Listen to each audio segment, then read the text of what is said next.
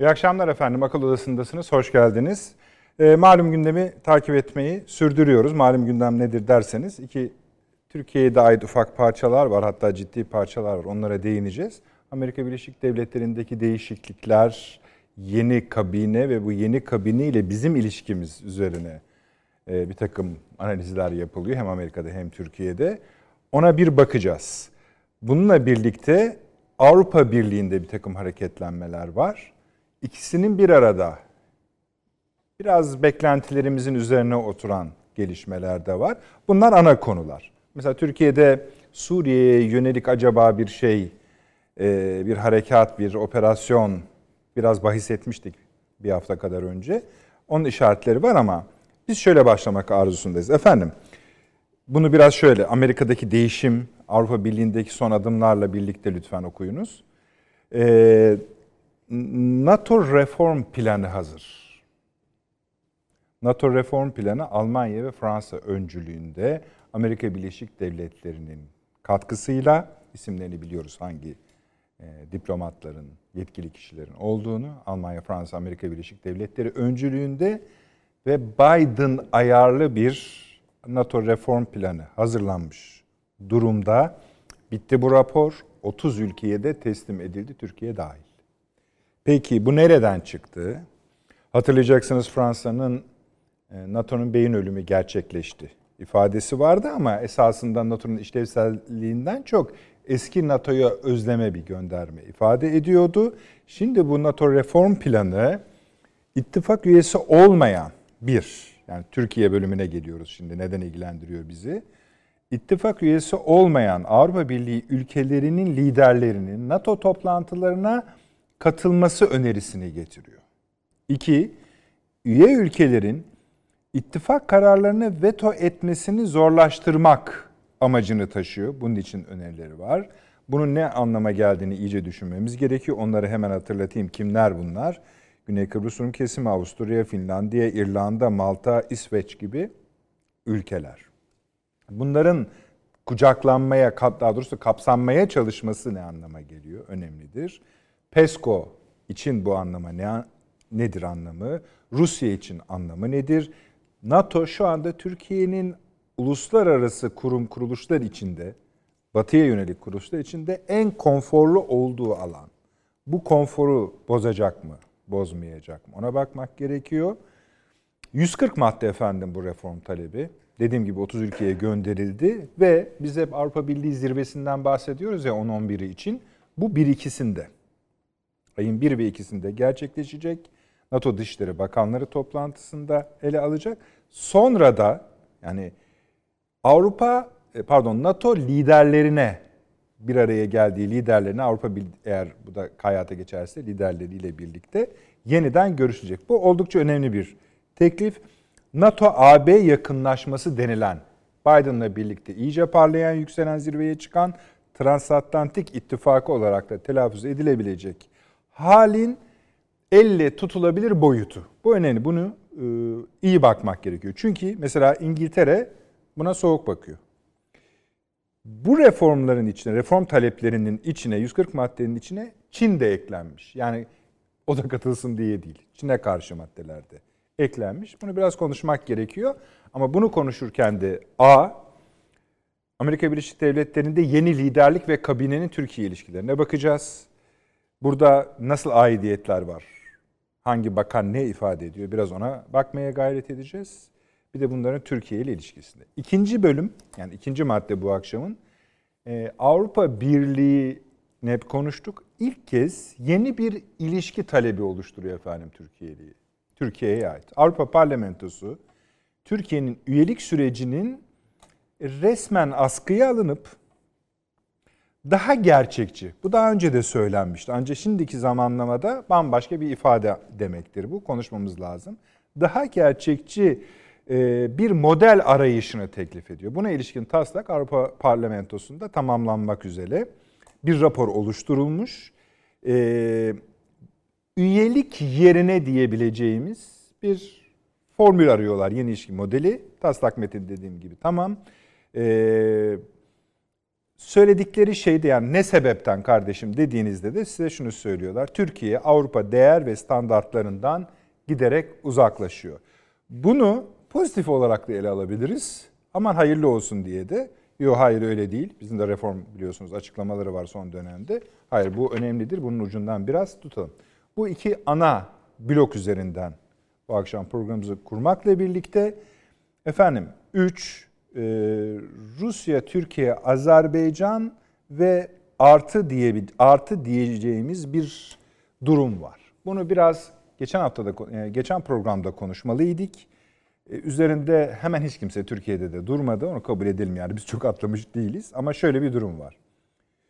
Ee, Rusya Devlet Başkanı Vladimir Putin ile dün akşam bu konuları etraflıca görüşme fırsatı bulduk. Hatırlıyorsunuz. Sayın Cumhurbaşkanı'nın açıklamalarıydı. Bu görüşmeyle birlikte bu süreç içerisinde ne gibi adımlar atabiliriz bunları konuştuk. Bunlar tamam.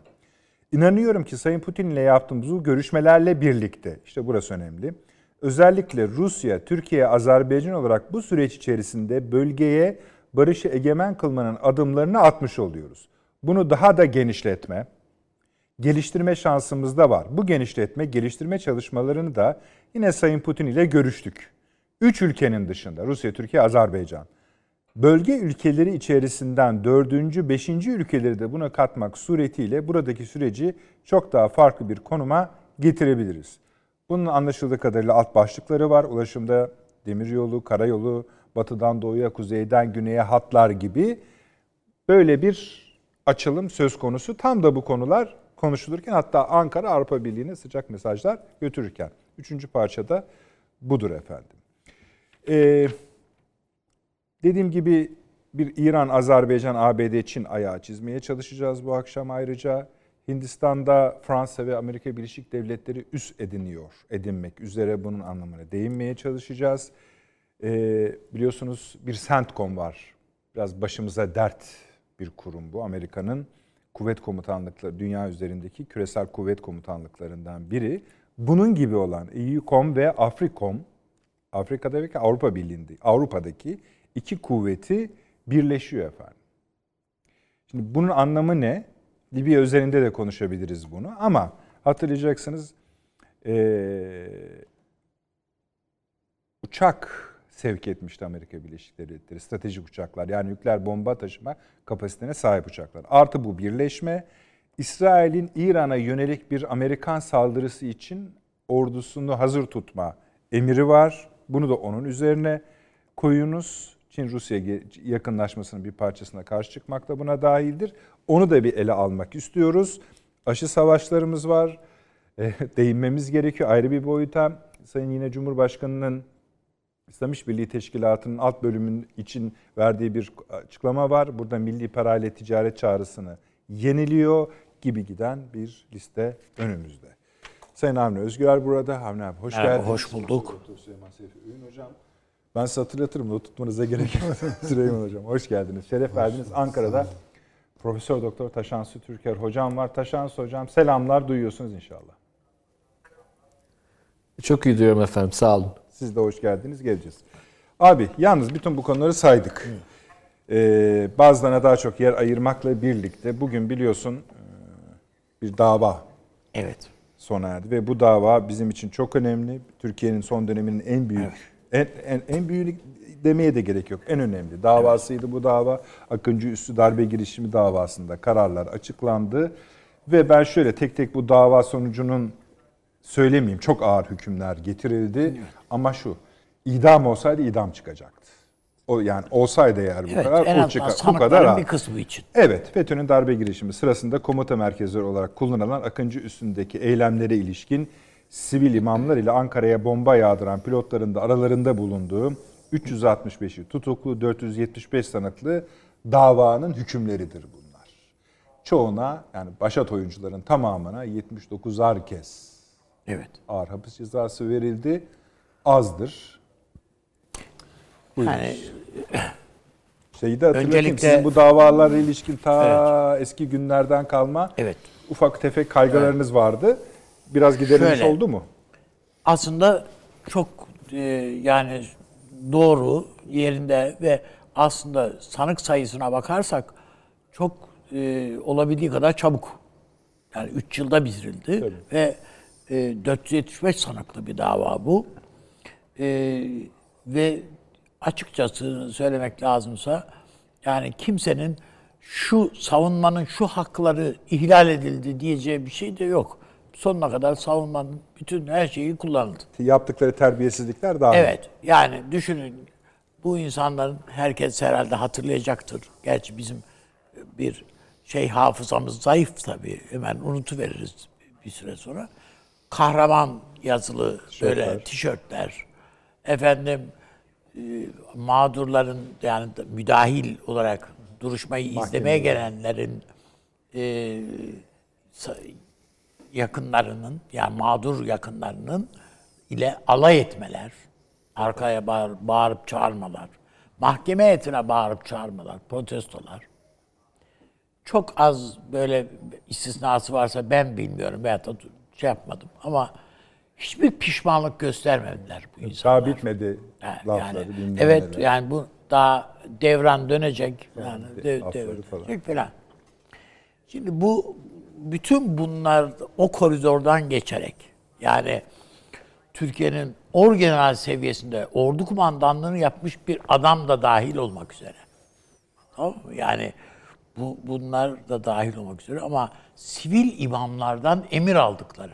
Yani bu sivil imamlar dediğim e, kimisi esnaf, e, yani bu orduyu yönetmeye yönettiler ya. Bunun kararlarını bütün darbeyle ilgili sen şurayı uçacaksın, şurayı bombalayacaksın, sen şunu yapacaksın filan.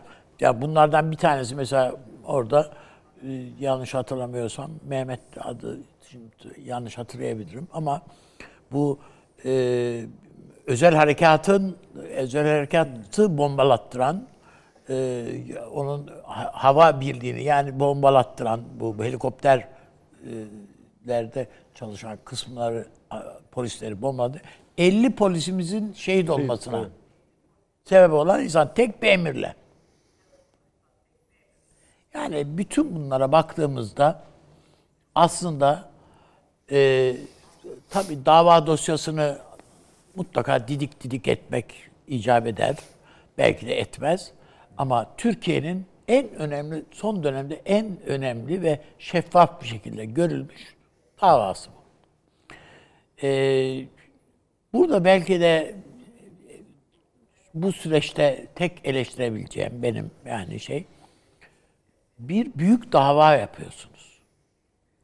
475 sanığı aynı yerde tutuyorsunuz. Bir arada tutuyorsunuz. Yani yani bunlar yani adam pişmanlık gösterip sahneye çıkama çıkma şansı da yok çoğunun. Çünkü birbirleriyle bir dayanışma halinde e, ve e, kilitliyorlar bazı şeyleri. O yüzden ben e, en azından bu infaz safhasında çünkü artık dava bitti. Ya bundan sonrası de temiz, e, e, istinaf mahkemesi önce, arkasından temiz falan, Yargıtay safhası. Bundan sonrasında Türkiye'nin bunu buna bunu öncelemesi, bu tür şeyleri, meseleleri öncelemesi lazım. Aynı şey Cumhurbaşkanımıza yapılan hazırlanan saldırı. Yani İzmir davası içinde bu söylediklerim geçerli. Yani şimdi Türkiye Dışişleri Amerikan Dışişleri Bakanlığı ile görevlendirilen görevlendirilecek olan olduğunu bildiğimiz kişi e, Türkiye'yi ziyaret ettiğinde bu meclisteki bombalanan yerleri falan gösterdikleri vakit bu darbe ya bu o- olay Türkiye'nin karnına, göğsüne saplanmış hançer dedi. Şimdi bu adam Dışişleri Bakanı olacak. Bunu müspet diye bir şey söylüyor. Hayır yani adama yani Türkiye'nin bu, bu, bu hançer ne olacak yani şimdi? O zaman hançerdi. Şimdi ne oldu bu? 15 Temmuz gibi yani bütün bunlara dayalı bir söylemler falan herhalde önüne Türkiye getirecektir. Ben burada bir iki şeyi bu davayla ilgili olarak söyleyebileceğim budur. Bu çok önemli bir dava, çok özel bir dava. Türkiye ilk defa yani bunu son olarak bırakmadı. gözünün önüne getirdi. Evet birkaç tanesi hariç yani işte e, yurt dışına kaçmayı kaçmayı beceren veya kaçırılan bir iki kişi hariç hemen hemen birçok sorumlusunu burada elinin altında tuttu. Umarız bundan sonra bu sorgu şeyleri, süreçleri de, de daha da devam da eder. İçlerinde bazıları bu bu bu kadar ceza yani 76 yıl. 79. Evet 79 yıl. Bu bu göğüslenecek bir şey değil. Yani ne kadar infazından düşseniz düşseniz 3'te 25 30 yıl 79 falan kez bir, ki- ki- Evet. ve 79 kez ağırlaştırılmış müebbet hapis. Dolayısıyla bazısı olura farklı yaklaşabilir. Yani örgütü deşifre eden falan.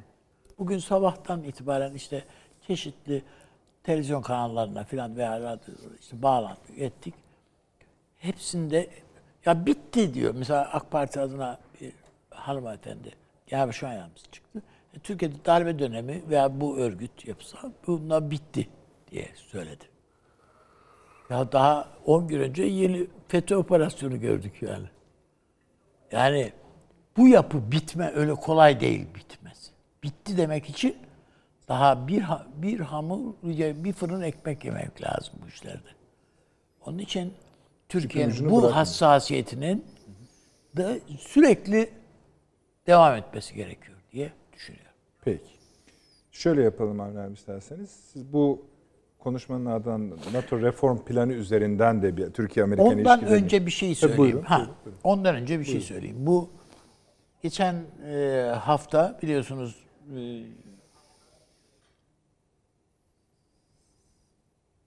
Akdeniz'de bir e, Gemi. gemi. Bir e, Alman Savaş. savaş helikopteri, şu gemisi tarafından e, taciz edildi. Gemiye baskın düzenlendi. Saldırı Şu oldu. oldu bu oldu filan. İşte biz de dedik ki izin mi aldınız da bilmem ne mi ettiniz filan filan filan. Şöyle bir duyum olabilir yani gerçek de olabilir. Bunu iddiayla söylemiyorum yani. Anladım. Ama bendeki bir hissiyatı da işin içine katarak yani bu işler nasıl dönülüyor filan. Bunun istihbaratının bilgisinin yani bu gemiyle silah taşınıyor bilgisinin Türkiye'den gittiği. Yani durup dururken Al- Almanya'nın bir gemisini harekete geçirip sonradan rezil olacağı bir operasyona kalkmadığı,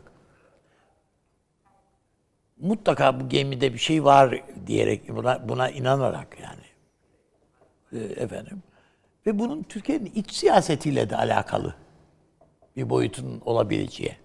Bir dakika şimdi bir saniye. Şimdi az buz bir şey söylemiyorum. Hayır hayır ben yani bunu bir şey olarak söylüyorum. Yani Tamam. tahmin diye söylüyorum. Anladım. Yoksa bir efendim şöyle bir bilgi edindim de onu söylüyor falan Ama değil. şuna dayanıyor herhalde Ama- değil mi? İstihbarat bilgisi Ya Türkiye'den bilgi gittiyse... nereden gidecek yani Yunanistan mı bunu araştırmış da bu gemiye malını yükledi, şu Tamam. yükledi, bu Eğer yükledi. Türkiye'den Hayır, değil. gittiyse bunu hani Alman yani o gemiyi tuzağa düşürmek için mi? Yani Almanları ya da Hayır, Almanları değil. Almanlar Almanya Yani zaten bu işi İrini savuş, harekatını mı? savuşturur zaten. Tamam. Yani üstünden kaydırır filan. Ama esas şey yapılan Tayyip Erdoğan'ı hedef alıyorsun. Avrupa bir te- şeyi ha- e, zirvesi öncesi haklar, hukuklar işte bizim tercihimiz Avrupa'dır falan diyen bir cumhurbaşkanı işte yargı reformlarını yapacağız, şunları yapacağız, bunları yapacağız diye bir şey hem iç siyasette yerle bir olacak. Silah yakalanmış olsa burada. Değil mi? Hem de Avrupa Birliği'nde. Yani bir taşla iki kuş. şimdi ama tersi olmadı mı? Canım tersi oldu da bunu sen anlatamazsan toplu, kendi Anladım. toplumuna bu, veya deşifre edemezsen bu oyunu. Bak böyleyse tabii benim Böyle. dediğim gibi. sen- Anlıyorum, ben, anlıyorum. ben bunun böyle de bir boyutunun olabileceğini söylüyorum. Yani bu bir gazetecilik sezgisi yoksa hani şunu öğrendim de bunu söylüyor değilim yani. Ama böyle bir şey de olabilir kardeşim. Türkiye'de çünkü olmaz dediklerimizin birçoğunu olduk yani. Bunda FETÖ ayağı olabilir. Yani bu siyasi bir şeyi e, bir siyasi parti hareketini falan söylemiyorum. FETÖ ayağı olabilir. şu bu. Yani her şey olabilir bu. Onun için hani e, bu FETÖ'den açıldık. Oradan geldi Geldi. de o benim Peki. aklıma getirdi. Yani bitti mi bitmedi mi O zaman falan. şöyle yapalım, Hayır çok değil da- kardeşim. Bunla, bu tür tuzaklar dahil yani Türkiye'yi açığa düşürmek, Cumhurbaşkanı'nı açığa düşürmek, mahcup duruma hale getirmek için düzenlenmiş bir komplo ol, kokuyu. Kokuyor. Peki. O kadar. Ama benim bir şeyim Anladım. bilgiye dayalı değil, o kokuya dayalı. Peki. Ee, o zaman şöyle yapalım. Yani Üçüncü bölüme geçmeden bu ikili ayağı bitirelim müsaade ederseniz Süleyman Hocam. Hem e, bu davaya ilişkin hem de Avni Bey'in hissiyatına ilişkin görüşlerinizi. Ya bir hissiyat yani diyeyim abi şimdi? Hissiyat. Yani Tamam, bir şimdi şey değil demedim yani. abi. Evet yani. Gemiyle ilgili de yani konuştuk ama yine konuşabiliriz. Yani ilginç bir vaka çünkü o. Ee, gemiyle ilgili nasıl yani? Yani işin hukuk tarafı filan onlara O zaten tamam, orada bir çok sorun konuşuldu zaten bu. Yani o, ona bir şey demiyorum. Taşan Hoca bir şey söyler belki bilmiyoruz yani. Senelerce gazetecilik yapmış tecrübeli bir insan koku alıyorsa durmak lazım. Tam üzerinde onu söyleyince de durmak. işte yok sadece siz Ama tabii işte. bu yani sonuçta istihbaratın falan takip edip e, ortaya çıkarabileceği Hocam hatırlıyorsanız Şey. Suriye'ye, Türkiye DAEŞ'a silah taşıyor diye Tabii tabii. istihbaratlar gitti. Türkiye'de operasyonlar yapıldı. Yani şimdi Bu şu MİT tırları operasyonu filan Operasyon. filan öyle boşuna yapılmış şeyler Doğru. değil onlar. Şimdi e, ona bakarsanız Birleşik Arap Emirlikleri de silah taşıyor Libya'ya. E, ne Fransa'da. bileyim Rusya'da silah taşıyor, Fransa'da silah taşıyor ama nedense Türk gemisi aranıyor. Üstelik gayet denizle, deniz hukuku açısından e, çok falsolu e, sayılabilecek bir müdahaleyle. E, biraz üzerinde durmak lazım. Yani olayları biraz bağlamlarına kavuşturmak lazım. Yani bağlamından koparıp tek bir olay teki gibi onunla hesaplaşırsak çok fazla bir e, sonuç elde edemeyebiliriz. Bağlam tam da üstadın dediği gibi e, kritik bir bağlam. Yani şu an gerek iç siyasette gerek dış siyasette yaşanan şeyleri Türkiye'nin e, içinde bulunduğu bağlama oturtmadan tartışmanın bir e, anlamı yok. Onun için dikkatli olmak lazım. Buna katılıyorum. E, bir şey oluyorsa boşuna olmuyor. Yani bir başka şeyin içinden çıkıyor o. O işte bağları kurmak lazım, teyellemek lazım bunları birbirine. Ee, ama tabii dediğim gibi e, biraz da somut veriler olması gerekiyor. O veriler durduk yerde gökten yağmur gibi yağmıyor. İşte böyle bir takım kuşkular üzerinden belki ortaya çıkarılabilecek veriler bunlar. Şimdi dava ile ilgili herhalde sordunuz değil mi? Tabii tabii Ee, Süleyman Hocam. Esas Hayır, olarak. ben Avni abi ilk cümleyi kurunca doğrusu benim aklımdan şöyle bir şey geçti. Türkiye bu olay üzerine birden çok açıklama yaptı. Bu İrini harekatı üzerine biz gideceğiz diye. Bu hani eğer bir operasyon çekildiyse Türkiye tarafından kötü niyetli iyi onu bilmiyoruz yani Avni abinin bölümü hariç. E, Bunu baltalamak için de olabilir. İrini Olabilir, hareketini tabii, yani tabii. tökezletmek için de olabilir. Doğru, doğru. Tabii. Her şey için olur. Doğru. Şimdi e, dava konusunda tabii yani bir asker düşünün tırnak içinde pilot kendi memleketinin baş şehrinde parlamentoyu bombalıyor ve bu kahraman oluyor. Öyle mi? Yani bu ancak herhalde e, yani akli melekeleri yerinde olmayan bir insanı e, güldürecek bir şey yani. Yani her- toplumsal bir cinnet anlamına gelir o. Yani bütün Şimdi herkesin böyle, böyle- yani kahramanlık dediğin böyle mi oluyor bu kahramanlıklar? Neyse yani orada e, hukuk hassas davrandı. Evet hiçbir hukuki açıdan e, falso kabul edilebilecek, problem kabul edilebilecek hiçbir şey gündeme gelmedi. Çünkü bu gündemi yaratmaya teşne olan bir takım çevreler var. Neticede hukuk işledi ve bunlar hak ettikleri cezayı buldular. Bunlara idam e, cezası verilmeyi onları ödüllendirmek gibi görürüm. Her gün ölmeliler. Yani bu bu da ancak e, işte böyle bir infaz sisteminin çalıştırılmasıyla mümkün e, olacaktır. E, yani bunların bir kere mesela ne bileyim apayrı hücrelerde barındırılmaları bile bunları çözmeye yeter yani. O ettikleri laflar, e, kahramanlıklar falan biter. Çünkü onlar böyle bir cemaat Cemaat halinde yaşıyor. halinde yapıyorlar bu işi yani. falan ama işte içeride ona müsaade etmemek lazım yani. Bu bunlar ne, nedir yani? Bunları toplu koğuşa tıkmanın, aynı koğuşa tıkmanın bence hiçbir e, şeyi yok. Bilmem tabii infaz sistemiyle ilgili meseleler. E, ilk defa Türkiye bir darbeyi engelledi tarihinde. iki hesabını sordu. Ben öyle bakıyorum. Ha, Bunu ilk defa biz yaptık. Yani. Eyvallah. Onun için tarihe geçecektir. Çünkü 1960 darbesiyle böyle yüzleşilmedi. O Salim Başoğullar, şunlar bunlar Hepsi hepsi hiç böyle tıkır gayet tıkır güzel yaşadılar. yaşadılar. Ee, son e, ömürlerinin son e, günlerine kadar da bildiklerini okudular.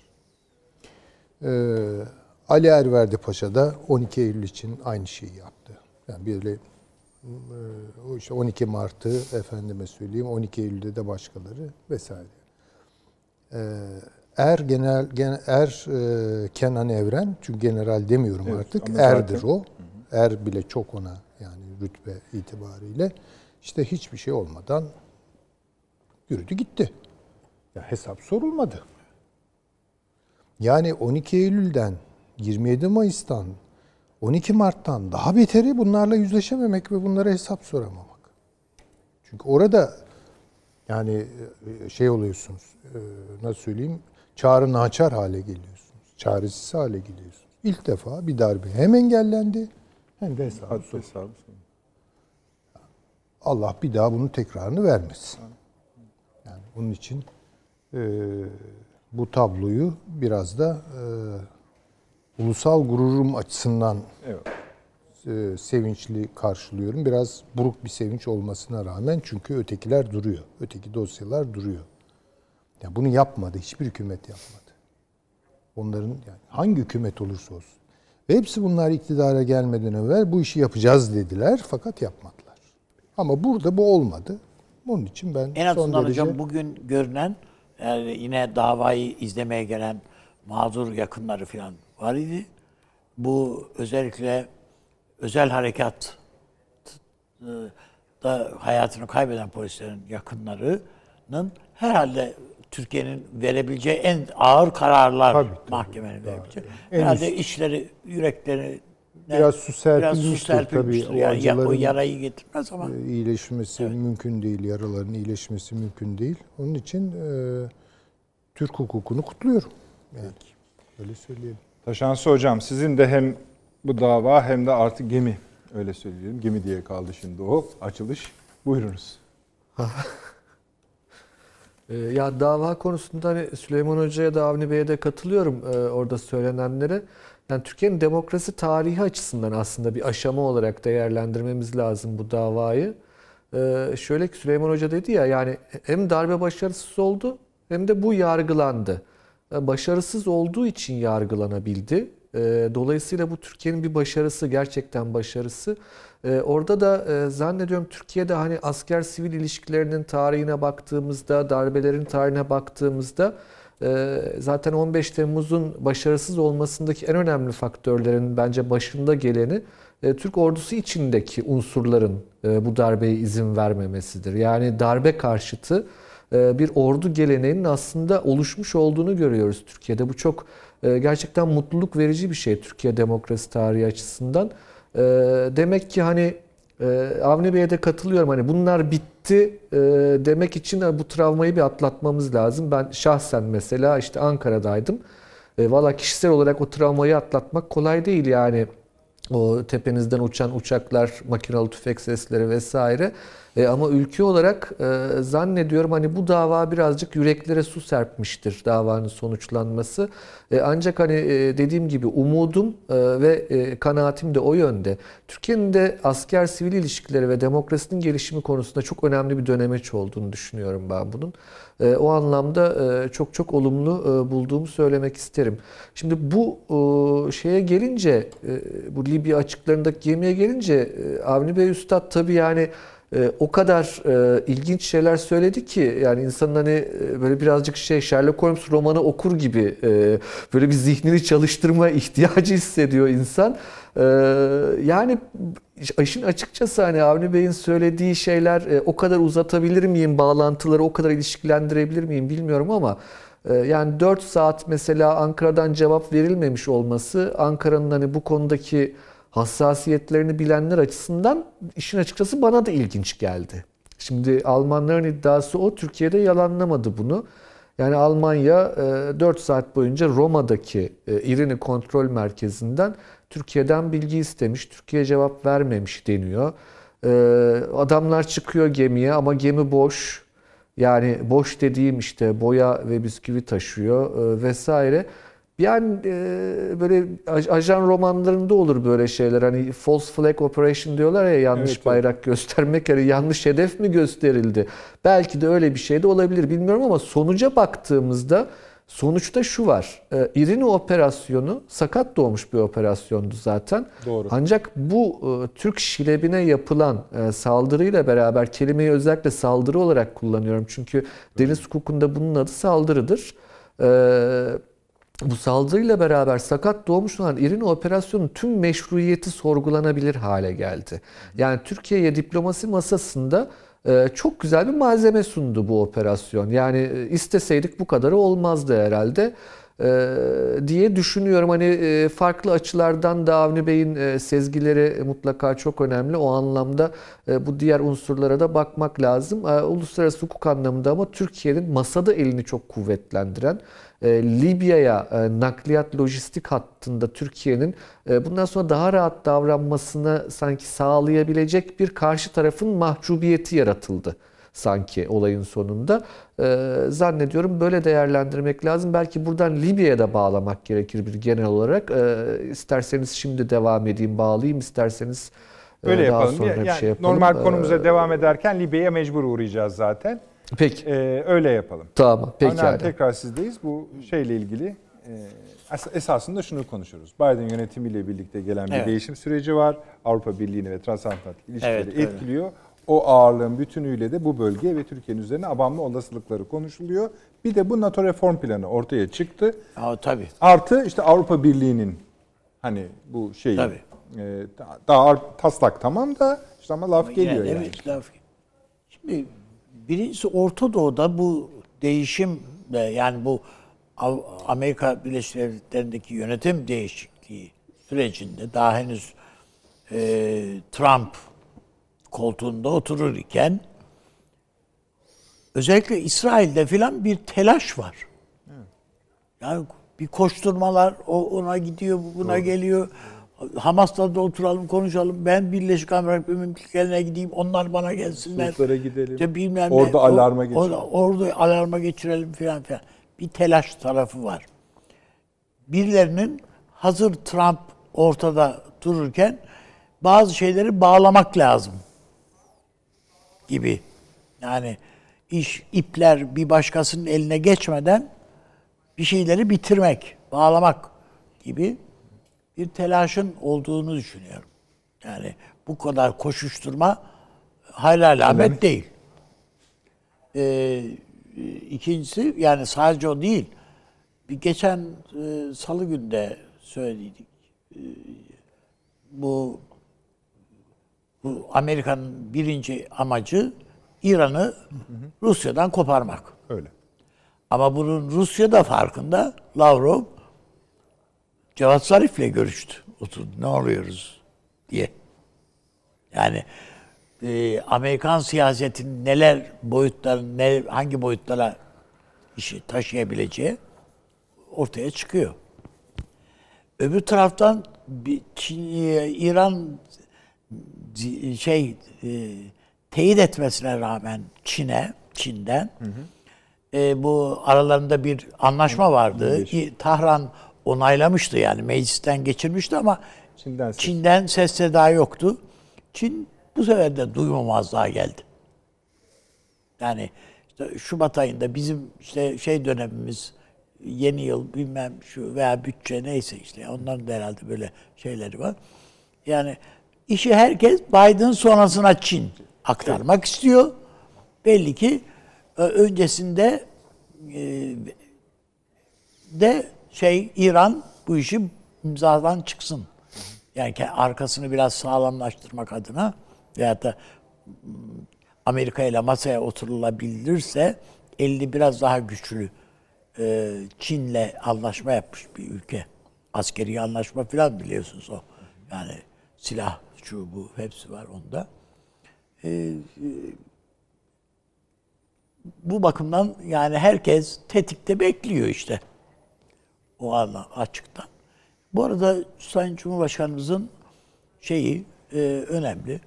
E, işte Putin'le birçok konuyu bu arada tabii Azerbaycan başta olmak üzere tabii birçok konuyu konuşuyor, konuştular. E, yine gelen, yansıyan şeyler, bilgiler e, bizim daha önce bu programlarda programda sık sık tekrarladığımız Orta Doğu ve Libya meselesinde e, Rusya ile daha yakın durma e, şeyimizin e, tavrımızın pozisyonumuzun devam edeceğini düşünüyor. Yani Azerbaycan, Suriye, Libya. Evet, evet, evet.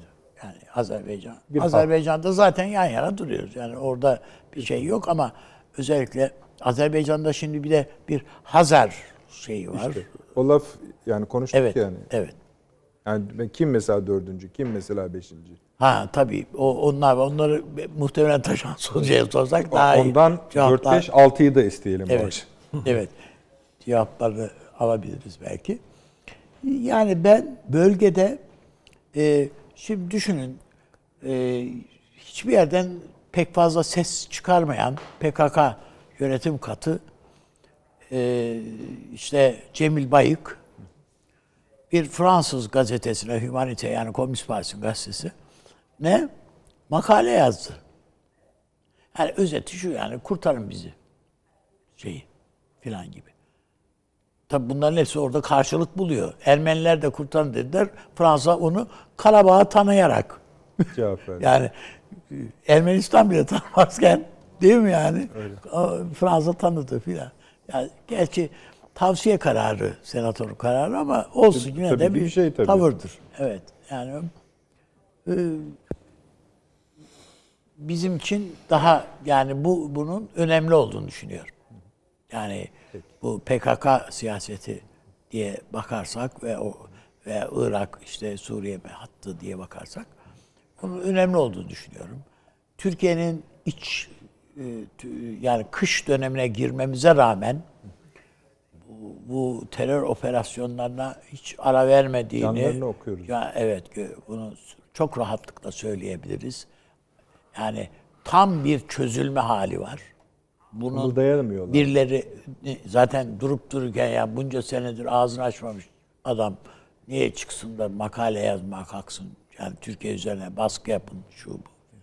Ya. Ee, Avrupa Birliği PKK'yı terör örgütü olmaktan çıkarsın diyor mesela.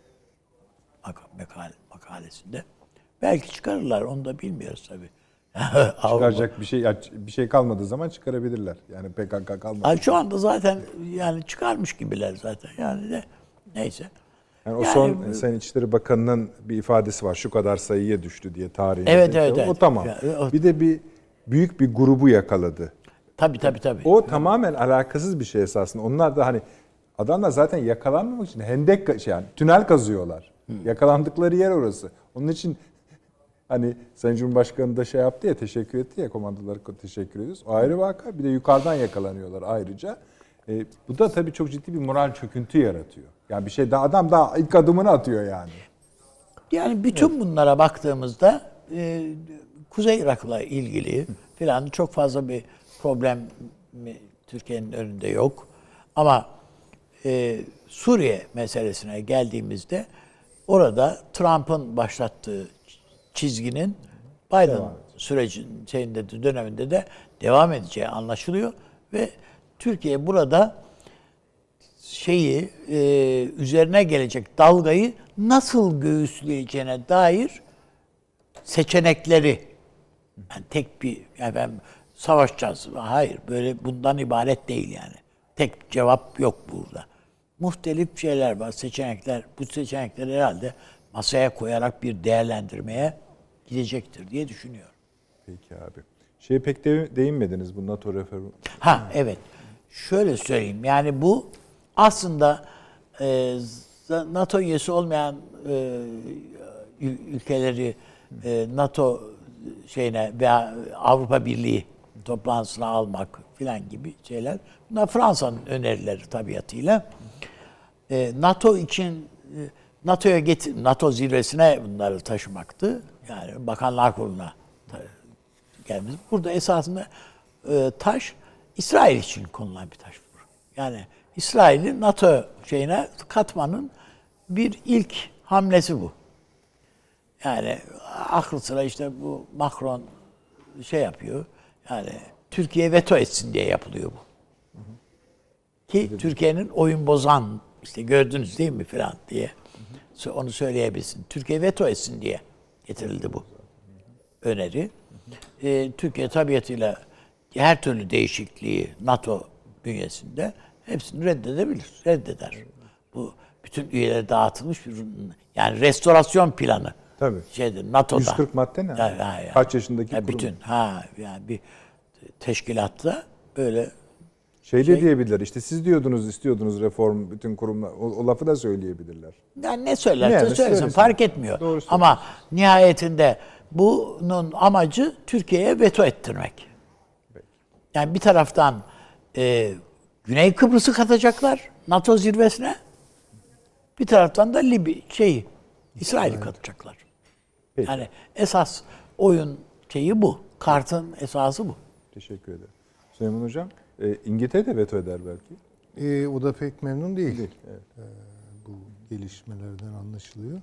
Yani bu Fransa'nın şovu hakikaten ben de katılıyorum. Bundan sonra ama bize geleceğe dönük olarak bir ipucu veriyor. Yani NATO'yu, NATO-Türkiye ilişkilerini NATO'yu yeniden güçlendirmek suretiyle daha fazla ne kadar istikrarsızlaştırabiliriz? Güzel. Şöyle bir e, nasıl söyleyeyim? Fayans altına koyayım daha rahatmasın diye şöyle çok da kırmadan. Şimdi bu 140 madde ise Almanya, Fransa, Amerika Birleşik Devletleri birlikte çalışıyorsa ve 30 ülkeye de dağıtılacak kadar üzerinde konuşulup mutabık kalındıysa bu dün başlamadı bunun çalışmaları. bu ama niye şimdi? İşte çünkü yeni Amerika meselesiyle ilişkili. Sizin dediğiniz de işte ha, neyin geldiğine delalet Tabii, eden tabii, tabii. bu esasında. Yani bunu en başta tabii Türkiye'deki NATO'cu çevrelerin e, ilgisine, dikkatine Hiç sunmak sunmayın lazım. onlar alkışla onlar alkışlıyorlar. Buyurun. Yani e, yeniden Türkiye'yi NATO disiplinine sokmak. Yani daha disiplinli çalışan bir NATO. Dolayısıyla NATO çok disiplinli bir şekilde çalışırsa Türkiye'yi disiplin etmek de daha kolay olacaktır. Bu iş büyüyecek. Çünkü bu duvarın yıkılmasından başlayarak yani Berlin duvarının yıkılmasından başlayarak işte Sovyetlerin çöküşü vesaire ondan sonra bir belirsizliğe düşen NATO'nun tarihi içerisinde bir yeni formatlama mo- moda tabirle ama bütün hesaplarda Türkiye bu işin dışına itilmiştir. Yani Türkiye bugün fiilen NATO'nun üyesidir ama NATO'nun bütün cihazları Türkiye'ye karşı çalışmaktadır. Ya eskiden bir tane düşmanı vardı. NATO'nun Sovyet kampı. Yani Sovyetler Doğu Avrupa. Şimdi NATO'nun içinde bir düşman var. NATO için bir düşman var. Bu da Türkiye. Dolayısıyla çok gelecekler üzerimize. Yani bunu Hakikaten görmek lazım. kuruyorsunuz Süleyman Hocam. Hangi cümleyi? NATO NATO'nun düşmanları olabilir ama NATO içinde bir düşman var o da Türkiye. Türkiye tabii tabii. Ama bu açık anlaşılmıyor mu zaten? Tamam. Yani Ama cümleye dökünce garip oluyor. e, garip oluyor ama biraz hani Vakada bu ya. duş etkisi e, hayır, yaratması lazım bazı Gayet sözlerin. E, Ha, güzelce anlatınca anlamıyorum. söyleyeni riske sokar ama yani bu gerekiyor. Eyvallah. Yani e, dolayısıyla bu tabloyu görelim. E, burada yalnız değiliz. Tabii ki Rusya da aynı şekilde hedeftedir. E, İran meselesi belirsiz. Bakınız bu önemli. Şimdi çok mutluyuz bu Azerbaycan'ın zaferinden, e, Karabağ'ın e, reyonlarının kurtarılmasından vesaire yani bunu zaten tartışmaya açmak bile e, büyük bir ayıp olur. E, dolayısıyla bundan sonra söyleyeceklerimi bu e, iftihar duygularına halel getirecek bir şey gibi E, anladım. düşünmeyelim. Peki. Ama bir realite var. Bakın bugün e, Rusya ile İsrail neredeyse komşu oluyor. Yani bunu görelim. İsrail Hazar bölgesine girdi. Ve bunu Azerbaycan üzerinden yaptı. Bunu görmek zorundayız. Niye bunu yaptı diye bakıyorsunuz. E, Azerbaycan'ın şey İsrail'in e, bugün hedefinde iki ülke var zaten söylediler. Birinci derecede İran ama geleceğe dönük olarak Türkiye. Hatta daha önemlice. Daha da önemli olarak. Tabii kendilerini düzelttiler öyle değil. Oraya geliş benim doğrusu hiç ilk günden beri hiç hoşuma gitmedi. Bunu da söylüyorum. Ve bu işte Azerbaycan meselesini kullanacaklar. Bu anlaşılıyor. Çok dikkat etmemiz lazım. Belki de demin sayılan ülkelerden biri o. Ee, artık bilmiyorum ya yani hocam. ne O da olur. işte Ee, dünyanın halleri Süleyman ama, Hocam. Ama Rusya bundan çok mutlu değil. Yani NATO'ya sokuşturulmaya çalışılan bir İsrail yani pek Rusya'nın çok hoşuna gidebilecek bir tablo değil bu. Yani ne kadar tarihsel husumetlerimiz, rekabetlerimiz, savaşlarımız varsa e, onları bir tarafa koyuyoruz. Bunun potansiyel e, olumsuzluklarını düşünmeyi asla bir tembellik haline getirmeyeceğiz ama görünen o ki yani bir yerde Rusya ile Türkiye'nin mukadderatı birleşiyor Ör- gidiyor, burada. öyle, evet. Örtüşüyor. Şimdi İran'ı buradan çıkartmak istiyorlar. Bu denklemden çıkartmak istiyorlar. Şimdi bu denklemden çıkartmak isteyen Netanyahu değil. Yani bu tarz o doğrudan vurmak istiyor şeyi. Öyle çıkarmak. Ya, o öyle çıkartmak istiyor. Bir de başka bir denkleme katmak isteyen bakış var. Biden'ın bakışı işte o. Neokonların bakışı. Onlar diyorlar ki yani İran'ı izole edelim. Kendi içinde belki biraz rahatlatalım da ve onu mümkün mertebe Hindistan, Pakistan, Afganistan bağlamına sokalım. Böyle bir bakışları var. Bu tabii pratik olarak İran'ın da işine geliyor, geliyordur tabii. Yani Biden herhalde alkışlayanlardan biri. Ee, İran bunu çok mutandan bir şekilde yapmamış olsa da bundan çok mutlu olduklarını aşağı yukarı öngörebiliyorum. Dolayısıyla Türkiye, İran ve Rusya, İran bağlantısını kesmek istiyorlar. Trump da buna daha görevi bırakmadan evvel Netanyahu'nun da telaşı bu işte o. Öyle bir İran Böyle bir bırakalım telaş ki hissediyorsunuz değil mi Tabii, siz tabii, de Netanyahu'da? yani. Vurulacak. yani. İsrailler vura- vurabilir Amerika. vurabilir diye konuşuyoruz ve vurursa da şaşırmayacağız. Yani öyle çok istikrarsız bir İran bırakmak istiyorlar. Yani bu bu oyunu Biden'ın bile ist- toparlayamayacağı. Tabii tabii toparlayamayacağı. Yani başka bir denkleme giremeyecek hale getirecekler İran'ı ve aslında belki İran diye de bir şey kalmayacak. İşte bir taraftan Zaten dokunduğun anda şu anda parçalanabilir Parça- de hocam. Ama şimdi bizi ilgilendiren O bir boyutu duruyor. var. Ben reel politik açısından bakıyorum. Ee, İran'ın istikrarı Türkiye'nin istikrarına katkıda bulunur. Türkiye'nin istikrarı da İran'ın istikrarına katkıda bulunur. İran istikrarını bozacak olan bir şey ki bu net konuşacağım bu konuda. Azerbaycan Türklüğünün hürriyetine kavuşması ki bizi çok cezbedecek olan ama kim var bu işin arkasında bakmak lazım. Ve bu iş nereye gider ona bakmamız lazım. Yani e, Uygur meselesinde de öyle değil mi? Tabii ki biliyoruz Çin, Uygur Türklerinin hayatını onlara zehir ediyor. Her türlü şeyi yapıyor orada ama bir bakıyorsunuz kim seslendiriyor bunu? Amerika'da bir O doğru. bir heyet. O doğru. Sürgündeki hükümet. Ne işi var bunların Amerika'da Peki yani? size soralım Süleyman Hocam. Bu bahsettiğiniz Azerbaycan meselesinde ne var? Kimler var yani? Nasıl Azer... Ha, dediniz Ha, ya hani- yani şimdi bilmiyoruz tabii henüz bir şey yok ama hani Şüphelendiğiniz ne o zaman? Şüphelendiğim şeyin İsrail'in oralarda olması. Tamam. Yani şimdi düşünebiliyor musunuz bu savaş sırasında İsrail bayrak, bayraklarıyla Azerbaycan bayrakları bir arada açıldı. Ya destek verdi İsrail Azerbaycan'a. Yani şimdi tabii destek destektir. Ne güzel işte deyip geçmek var. Ben pek geçemiyorum oralarda. Yani orada bir kafamda bir e, istifam işareti e, dolaşıyor açık söylemem gerekirse. E, çünkü aşağıdan PYD üzerinden, PYD yaptığı yatırımlar üzerinden. Burada ise bilemiyorum nasıl kullanırlar yani bu çünkü kabul edelim ki çetin ceviz yani istihbarat e, açısından e, İsrail. Öyle. Yani Hayır, zaten bu ilk cümlenize dönersek bir şekilde şeklen diyelim. Orada mı orada? Yani hazır- orada efendim orada- tabii tabii yani şimdi E nasıl bu- burada? Ve askeri anlaşmalar üzerinden orada. Yani bu Lalettayn şunu sattım, ham madde, petroldür, e, tekstil gönderdim falan böyle bir şey değil ki yani bu çok ciddi bu. Stratejik bir noktaya gidiyor.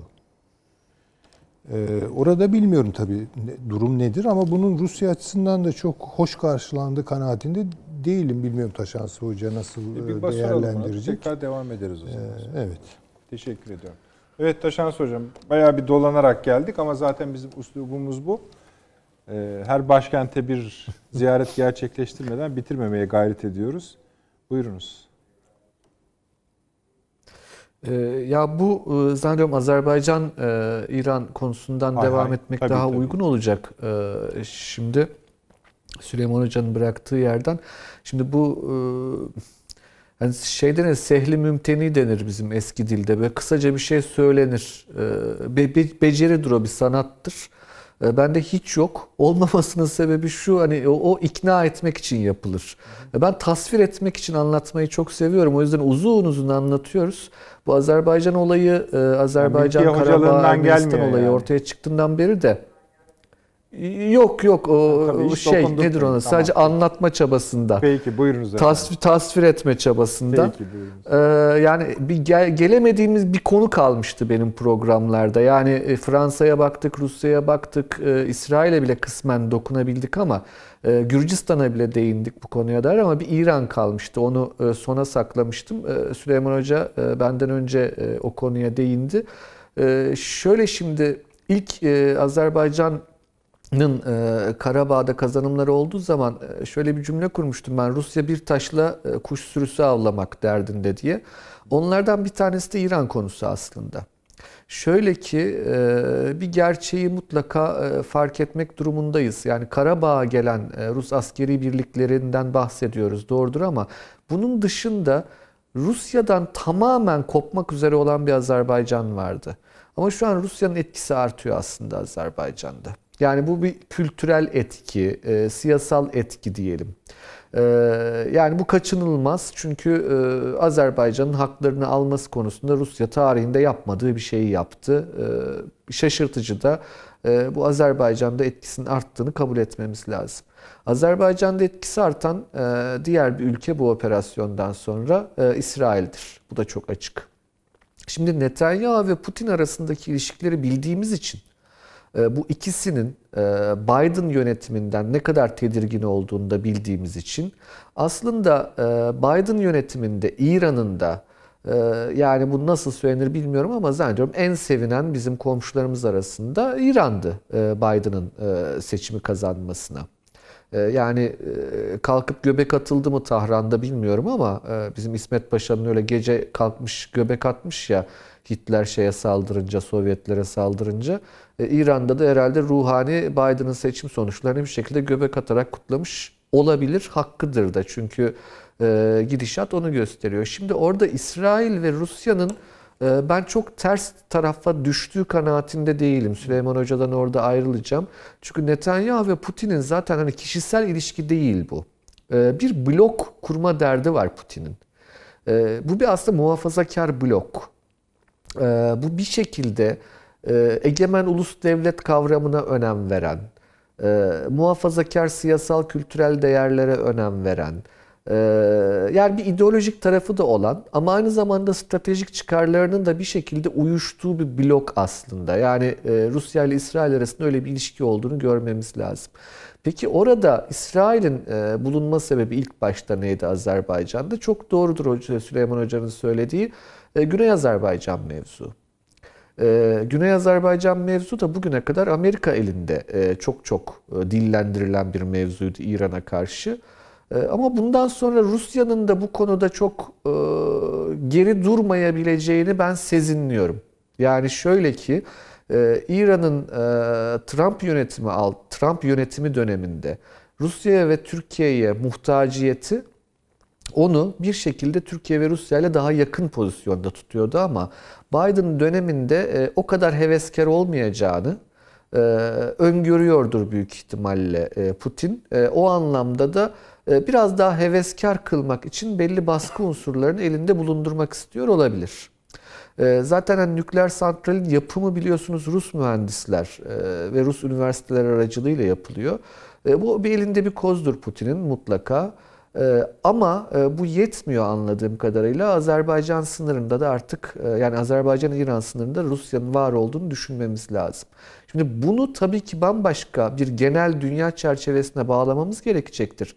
İran-Çin ilişkilerinin e, bu dönemde ne olacağı, İran'ın biraz daha daha bağımsız bir politika izleyeceği, Çin'e de çok muhtaç olmadığını, Rusya'ya da çok muhtaç olmadığını düşüneceği, daha bağımsız politika izleyeceği dönemde Çin'in bir şekilde batıya akan bir yol yaratmak için işte Rusya ile daha yakın bir ilişki içine girebileceğini ben öngörüyorum.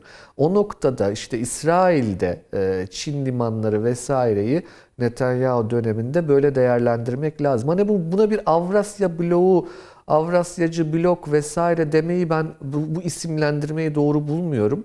Ee, ancak e, oluşan bazı hatlar var gerçekten.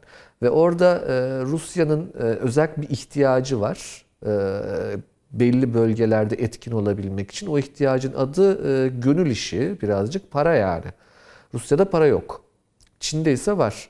E, dolayısıyla e, Rusya'nın e, stratejik gücü artı Çin'in ekonomik gücünün belli bir Rusya açısından da ivme yaratabileceğini, bunun Kafkasya'ya yansıması olabileceğini, o çerçevede de Sayın Cumhurbaşkanı'nın bahsettiği ülkenin Pakistan olma ihtimalinin epey yüksek olduğunu düşünürüm ben. Kafkasya'da yani Azerbaycan'da e, ve Hazar e, hattında e, bir yeni ortak olarak. Dördüncü ülke ee, Aynı şekilde Orta Asya'dan, Türkistan dünyasından da bir ülke mümkün gibi görünüyor. O da büyük ihtimalle Özbekistan olacaktır gibi düşünüyorum. Özbekistan çünkü çok hızla toparladı kendisini son dönemde iktidar değişikliğiyle beraber. Ee, ve daha agresif e, politikalar izleme ihtimalinin e, yüksek olduğunu değerlendiririm Özbekistan'ın ve Türkiye ile de çok yakın ilişkileri var gerçekten. İsrail hususu peki İsrail burada sizin Hocam, sorduğunuz soruydu. Hani İsrail de burada olabilir mi? İsrail orada var e, diyeyim. öyle bitireyim isterseniz. Yok bitirmeyin de şöyle. İsrail Heh, buyurun. mi yani? Yani işte dur yani Hayır Karış, orada var derken e, o grubun içinde değil. yok yok hayır. Yanlış anlaşıldı söylediğim. Hani var zaten de fiziken kastediyor herhalde. Fi, fiilen orada var demek istedim üstadım. Fiilen orada tamam. ama bu grubun içinde e, olma ihtimali e, yok gibi görünüyor. Tamam. E, ancak e, İsrail'in e, Rusya açısından şöyle bir önemi olduğunu tespit etmemiz lazım. Doğu Akdeniz sahili Mısır, ve Suudi Arabistan'a kadar uzanan bir hat oluşturmaya çalışıyor şu an Putin. Ee, Biden'ı karşılayacak bir hat yaratma derdinde. Bunun içinde Suudlar var, bunun içinde Mısır var, bunun içinde İsrail var. Ee, ve o hat e, bir şekilde Putin adına hani bir e, kırılamaz direnç hattı değil ama ee, kendi etrafından e, çok da fazla ilgiyi biraz daha etrafa dağıtmak için gerekli olan bir hat gibi görünüyor. Peki. Ama e, bir de de önemli bir konu konuştunuz. Oraya vaktim kalmadı herhalde. Yok yok vakit içinde. Nedir o konu? Siz onu söyleyin bir. Ben başka bir şey soracağım çünkü. Ee, şey e, şeyi söylediniz hani bu e, Libya ve Suriye'de e, Türkiye tamam, ve oraya geleceğiz. O bu, bu akşamın konularından var mı yok birisi. mu? Taşansı hocam. Şöyle ama ondan Çünkü o da önce... buna bağlı. Tamam eyvallah. Zaten hani açıklamada zaten o hattı çiziyor ama şimdi siz konuşmanızda ismini büyük bir puntoyla atmamakla birlikte stratejik ve ekonomik ortaklıktan hareket eden bir Rusya-Çin ilişkisinden bahsettiniz. Güzel. Sonra Evet. hatta bunu aldınız Orta Asya üzerinden Kavkasya'ya getirdiniz. Güzel. Esasında Süleyman Hocam'a da biraz uyuyor bu yani o kadar şey değil. Ee, Sayın Cumhurbaşkanı'nın konuşmasında Putin'le bahsettiği üç ülke, Rusya, Türkiye, Azerbaycan'ın üzerine Pakistan, Özbekistan'ı eklediniz. Doğal olarak ortaya şöyle bir şey çıkmış oldu. Rusya, Türkiye, Azerbaycan, Pakistan, Özbekistan, Rusya, Çin. Hatta hani ben Süleyman Hoca'yı kızdırmak pahasına şeyde yani biz tamam istemeyiz falan da hani sonuçta dünya başka bir şeydir yani dış stratejiler falan işte İsrail ismi söylendi. Yani burada var diyorsunuz. Yani ben te, temenni Canım etmek var. Yani öyle diye değil. Şimdi Cumhurbaşkanı'nın çizdiği çerçevenin içinde İsrail olduğunu ben, düşünmüyorum. Ben Ama de düşünmüyorum ama. İsrail'in dünyanın her tarafında yani var nasıl yok değil. İşte e, Azerbaycan'la işte bu hava araçları, şu bu bir takım silah satışları filan dahil yani takım anlaşmalar içerisinde olduğuna şüphe yok. Ama bu Cumhurbaşkanımızın sözünü ettiği çerçevenin içerisinde İsrail e, olduğunu düşünmem. ben de düşünüyorum. Ama O- şöyle onu ya düşünmem. şunları düşünüyorsunuz. Ama mesela daha şey bu Ukrayna dahil olmak üzere yani hani başka şey Hazar'la bağlantılandırılamaz o sadece çünkü. Sadece Özbekistan desen ondan da yani mesafeler var yani bunlar ufak tefek mesafelerden Ama şunda yani çünkü e, Sayın Cumhurbaşkanı saydıktan sonra Sayın Putin'le görüşmesinde 5 rakamı hissediliyor. Toplamdaki 5 Evet. rakam hissediliyor. Dört beş Pakistan'da mutabıksınız. Evet evet tabii. Özbekistan'da mutabıksınız. Evet, olabilir. Böyle bir hal çıkıyor. Şimdi onu bölgenin tamamına bakalım nasıl giydireceğiz ama biraz sonra efendim bir reklamlara gidelim. Az buz iş yapmadık biraz önce. Hemen döneceğiz. Evet. Bir dakika reklam arası. Haberin sosyal medyası gzt.com sizi çok farklı bir okuyucu deneyimine davet ediyor. Merak ettiğiniz sorular yanıt buluyor, henüz duymadığınız şaşırtıcı konularsa karşınıza geliyor. Yorumlarınıza editörler cevap veriyor, arkadaşlarınızla paylaşmak isteyeceğiniz eğlenceli içerikler hazırlanıyor. Sizler için kamera karşısına geçiliyor ve olaylar sıkmadan ve anlaşılır şekilde anlatılıyor. Özel infografikler, videoların yanı sıra burada sayamayacağımız sayıda farklı dergiler.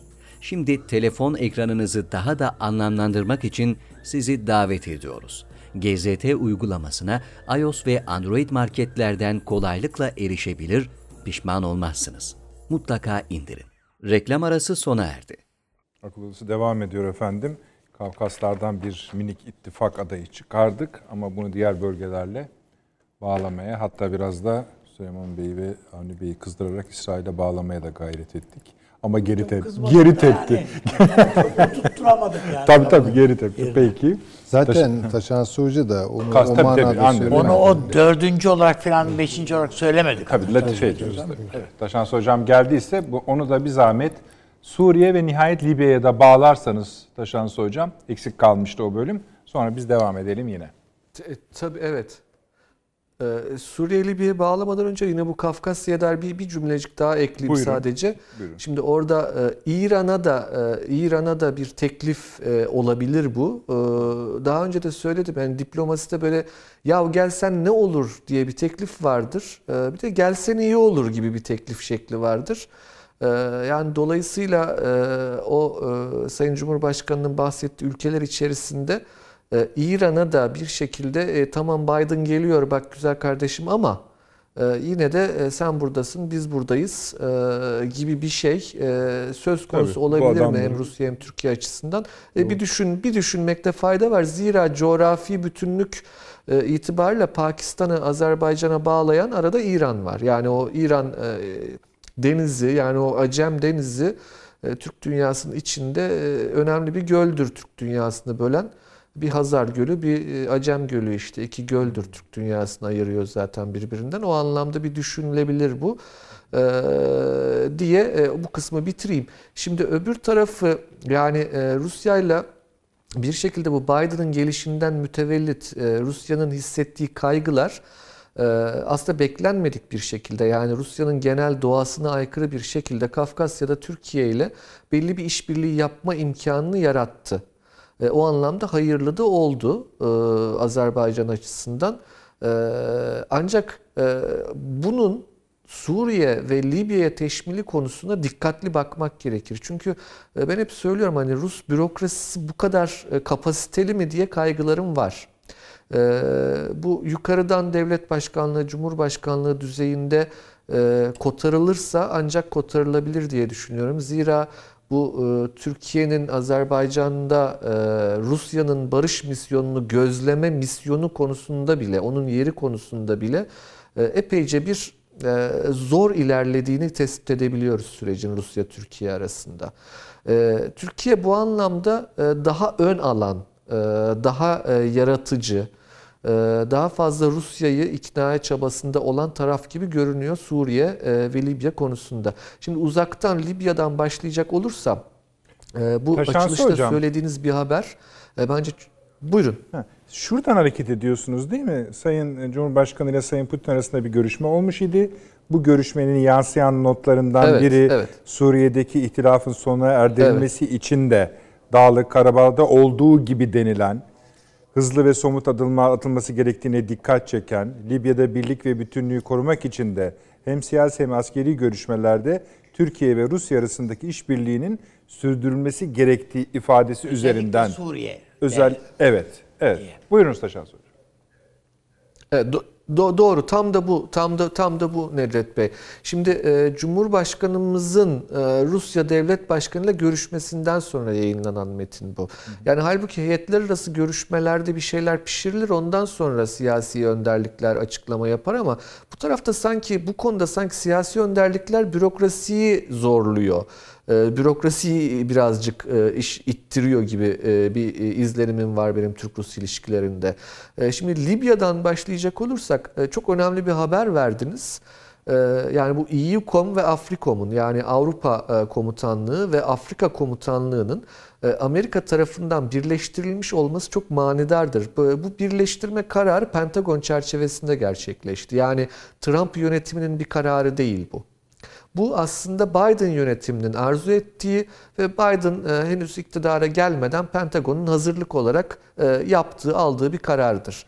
Şimdi bu karara baktığımızda hatırlayacaktır sevgili seyirciler de e, daha önceki programlarda e, şunu söylemiştik. Eğer Biden gelirse Afrika'da Çin'e karşı Avrupa ile işbirliği yapacak Amerika cümlesini biz aylar evvel kurmuştuk. İşte bakın o işbirliğinin teşkilat yapısı anlamındaki yansımasıdır bu. Yani Avrupa Komutanlığı ile Afrika Komutanlığı'nı birleştirmek demek Afrika'ya e, artık Avrupa ile beraber bakacağım ben demektir. Bunun ilk yansımasında e, Libya'da görüyoruz diye düşünüyorum. Bu gemi olayında da e, yani bizim bu gemimize yapılan saldırı konusunda da bu bağlamı da akıllardan çıkarmamak lazım. İkinci- ikinci Şimdi bu Libya'ya indirdiğimizde yani Afrika konusunu e, yani Afrika bir genelini e, Libya'da somutlaştırdığımızda Amerika'nın Avrupa ile işbirliği e, hususunu e, karşımıza çıkan manzara şudur. Aslında ilk başta Rusya ve Türkiye'nin karşıt taraflarda yer aldığı ancak ikisinin de varlık gösterdiğini gördük Rusya'da. Birisi batıda birisi doğuda. Avrupa bir kapasite gösteremedi. Amerika'da iç karışıklıklardan mütevellit bir öyle bir böyle yaptı. Ne dediği de çok belli değildi ama şimdi saflar aslında belirginleşti ve bu saflar belirginleştiğinde e, ülkenin e, göbeğinde e, bir Avrupa-Amerika hattı, ülkenin batısında bir Türkiye hattı, ülkenin doğusunda bir Rus hattı olduğunu görüyoruz. Şimdi bu Avrupa-Amerika hattının Rusya ile bir iş yapma niyeti yok gibi görünüyor. Bu açık. Türkiye ile de pek iş yapma niyetleri yok gibi görünüyor. Çünkü paylaşmak istemiyorlar Libya'yı. Şimdi burada e, Türkiye ve Rusya yine yan yana gelmek zorunda kalabilir. Büyük ihtimalle Sayın Cumhurbaşkanı'nın açıklamasında bu çerçevede okumamız gerekir. Yani ikimiz birden buradan çıkarılmaya çalışılıyoruz. E, işbirliği yaparsak ikimizle de pazarlık yaparlar e, gibi bir düşünce e, burada oluşabilir. Şimdi orada Mısır'a bakmak gerekecektir. Çünkü Mısır'la Rusya'nın ilişkilerinin çok çok özel olduğunu tespit ediyoruz son birkaç yıldır. İşte e, daha önce söyleme şansı bulmuştum. Bu İskenderiye'ye yerleştirilen rezonans NE sistemi, radar sistemi bütün Doğu Akdeniz'i e, kapsayan bir radar sistemi, Rus radar sistemi. E, aynı zamanda Rusya ile askeri alımları e, Sisi e, yönetiminin önemli. Aynı zamanda geçen hafta biliyorsunuz iki tane e, Mısır gemisi Karadeniz'e girdi. Rusya ile beraber e, Karadeniz'de bir Evet, tatbikat evet. gerçekleştirdiler. Şimdi e, Mısır'ın e, Rusya ile yakın ilişkilerini bu çerçevede atlamamak gerekir. Yani zannedildiği gibi öyle e, Amerika'nın tam kontrolü altında olan bir ülke değildir Mısır. Onlar da bir denge tutturmaya çalışıyorlar kendi adlarına. E, Dolayısıyla Libya'da e, bir Rusya-Türkiye ittifakı e, ya da yan yana gelişi bir özne yaratabilir. Masada bir sandalye yaratabilir. Ama ikisi ayrı ayrı olduğu zaman yarım yarım sandalyeler çok sağlam olmayabilir düşüncesi e, Türk tarafında oluşmuş ve bu Rusya tarafına yapıcı bir öneri olarak iletiliyor olabilir. Sonuçları da keskin olacaktır diye düşünüyorum. Zira Afrika konusu gerçekten e, önümüzdeki yüzyılın en önemli konularından bir tanesi. Yani hep Avrasya'dan, Asya'dan bahsediyoruz ama Afrika e, çok büyük potansiyele sahip bir kıta. Ee, ve Rusya'nın işte e, Mısır'daki varlığı, Libya'daki varlığı, Sudan'daki varlığı, e, şöyle biraz aşağı inin Kızıldeniz'den bakın, Somaliland'deki varlığı ve Etiyopya'nın e, bir şekilde Çin e, tarafından şu dönemde domine ediliyor olması çok çok önemli. E, Çin de bu bölgeye girmeye çalışıyor. Rusya bir yandan Çin'e kapı açabilecek ama aynı zamanda kapatabileceği kapılar elde etmeye çalışıyor Doğu Afrika'da. Doğu Afrika dediğiniz yeri de bağladığınızda aslında Hint Okyanusu'na çıkacaksınız. Hint Okyanusu'na dair de siz de biraz önce aktardınız açılışta. Bakın, hocam. Fransa Hindistan'la önemli bir anlaşma yaptı. Buyurun. E, hocam şimdi Buyurun. Kızıldeniz'e şu anda Mısır hakim yani orada Süveyş geçişi dolayısıyla. Ancak bir başka kanal da gündemde ya da düşünülüyor değil mi yani? Gündemde. Bu ta- tarafta doğrudan doğruya Sinay şeyi e, devre dışı Süveyş'i bırakabilecek kanalını de- devre dışı bırakabilecek bir kanal düşünüyor. Bu bunu nereye koyarsınız bu şeyde? Yani ben e, çok e, feasible bulmuyorum onu üstadım şu dönemde. Yani e, evet düşünülüyor, var planlar ama e, yani Süveyş orada olduğu müddetçe Kızıldeniz e, o önemini koruyacaktır. Yani Akabe üzerinden vesaire de farklı planlar var. E, Basra üzerinden zaten farklı planlar var ama yani e, çok e, yakın dönemde gerçekleşme ihtimali yok. Orta dönem için e, önemlidir, üzerine düşünülmesi gerek ama şu an zannediyorum hani bugünleri belirleyecek olan şey yani orada Mısır, Sudan, Etiyopya, Eritre, Cibuti, Somaliland, Somali hattı yani Kızıldeniz'in batısı, doğuda ise Yemen. E, ve Suudi Arabistan e, o o o bölge e, gerçekten tam bir geçiş bölgesi. Neyin geçiş bölgesi dediğimizde bakın bu yani Akdeniz dünyası antik çağlarda dünyanın merkeziydi. Bu işte son 300-400 yılda Atlantik oldu. Yani e, coğrafi keşiflerle beraber dünyanın merkezi halini Atlantik aldı. Hatta son yani 300 yıl bile diyemeyiz. Amerika çünkü öyle büyük bir güç değildi ama son 200 yıl diyelim. E, ama Akdeniz önemini yitirmemişti. E, şimdi Pasifik geldi. Yine Atlantik önemini yitirmedi ama Akdeniz'de hala çok önemli. Şimdi dolayısıyla bu hatta baktığımızda Afrika'ya, doğusuna Doğu Afrika'nın çok çok önemli olduğunu tespit etmemiz gerekir. Yani Afrika'nın doğu sahillerinin Kızıldeniz'den başlayıp bunu aşağıya kadar, Güney Afrika'ya kadar indirebilirsiniz. Ki zaten batıda da sorunlar var. Yani bu Polisario gerillalarının e, ilk kez yıllardan beri duvarı aştığını gördük e, birkaç hafta evvel. Yani duvarı aşmaları çok büyük olaydı. Hiç beklenmeyen bir şeydi Fas açısından. E, Ve Fas'a Amerika'nın çok kuvvetli yüklendiğini, büyük bir üst kurma niyetinde olduğunu e, görmemiz lazım. Cezayir işte orada Libya ile bir e, ve Mısır'la bir e, kader birliği içerisine sürükleniyor Polisaro'dan dolayı. Peki hocam. Ve Fransa o bölgede e, sahil e, çerçevesinde. Dolayısıyla Afrika böyle. Şimdi Suriye'ye geldiğimizde Suriye konusunda da iki ülkenin yani Rusya ve Türkiye'nin e, ortak kaygıları var aslında. Yani PYD konusunda Rusya'nın ne kadar kaygılı olduğunu bilemeyiz E, ama kaygılı. Neden? Çünkü Amerika ile çok yakın. Hani Türkiye kadar kaygılı değil tabii ki ama e, PYD Amerika ile çok yakın olduğu için e, Rusya'nın da kaygıları var. E, ve Suriye'den bir şekilde Suriye'de bir şekilde var olmak istiyor. Orada özellikle son dönemde bir yakınlaşma yani PYD'ye karşı Türkiye ve Rusya'nın bir yakınlaşmasının olası bir operasyonu e, ben gündeme getirdiği kanaatindeyim. Ve bunu e, Bağdat merkezi yönetiminin e, 10 bin askerini Sincar civarına sevk etmesiyle de ilişkilendirmek gerek diye düşünüyorum ki bu Sincar civarına sevk edilen 10 bin merkezi yönetim askeri e, Barzani güçleri tarafından da hoş geldiniz diyerek karşılandı. Pek nadir karşılaşılan karşılanan e, bir, bir durumdur bu. Dolayısıyla orada Kuzey Irak bölgesel yönetiminin Bağdat'ın e, Türkiye'nin, Rusya'nın bir yan yana gelişi söz konusu gibi gelir bana. E, hem I- Irak'ın kuzeyinde hem Suriye'nin kuzeyinde zannediyorum o sürecin iyi değerlendirilmesi gerekir. Ancak son şu noktayı vurgulamak isterim. Bakın bu oluşan hat bir kesin mutlak bir antant hali, e, bir e, müttefiklik silsilesi hali değildir.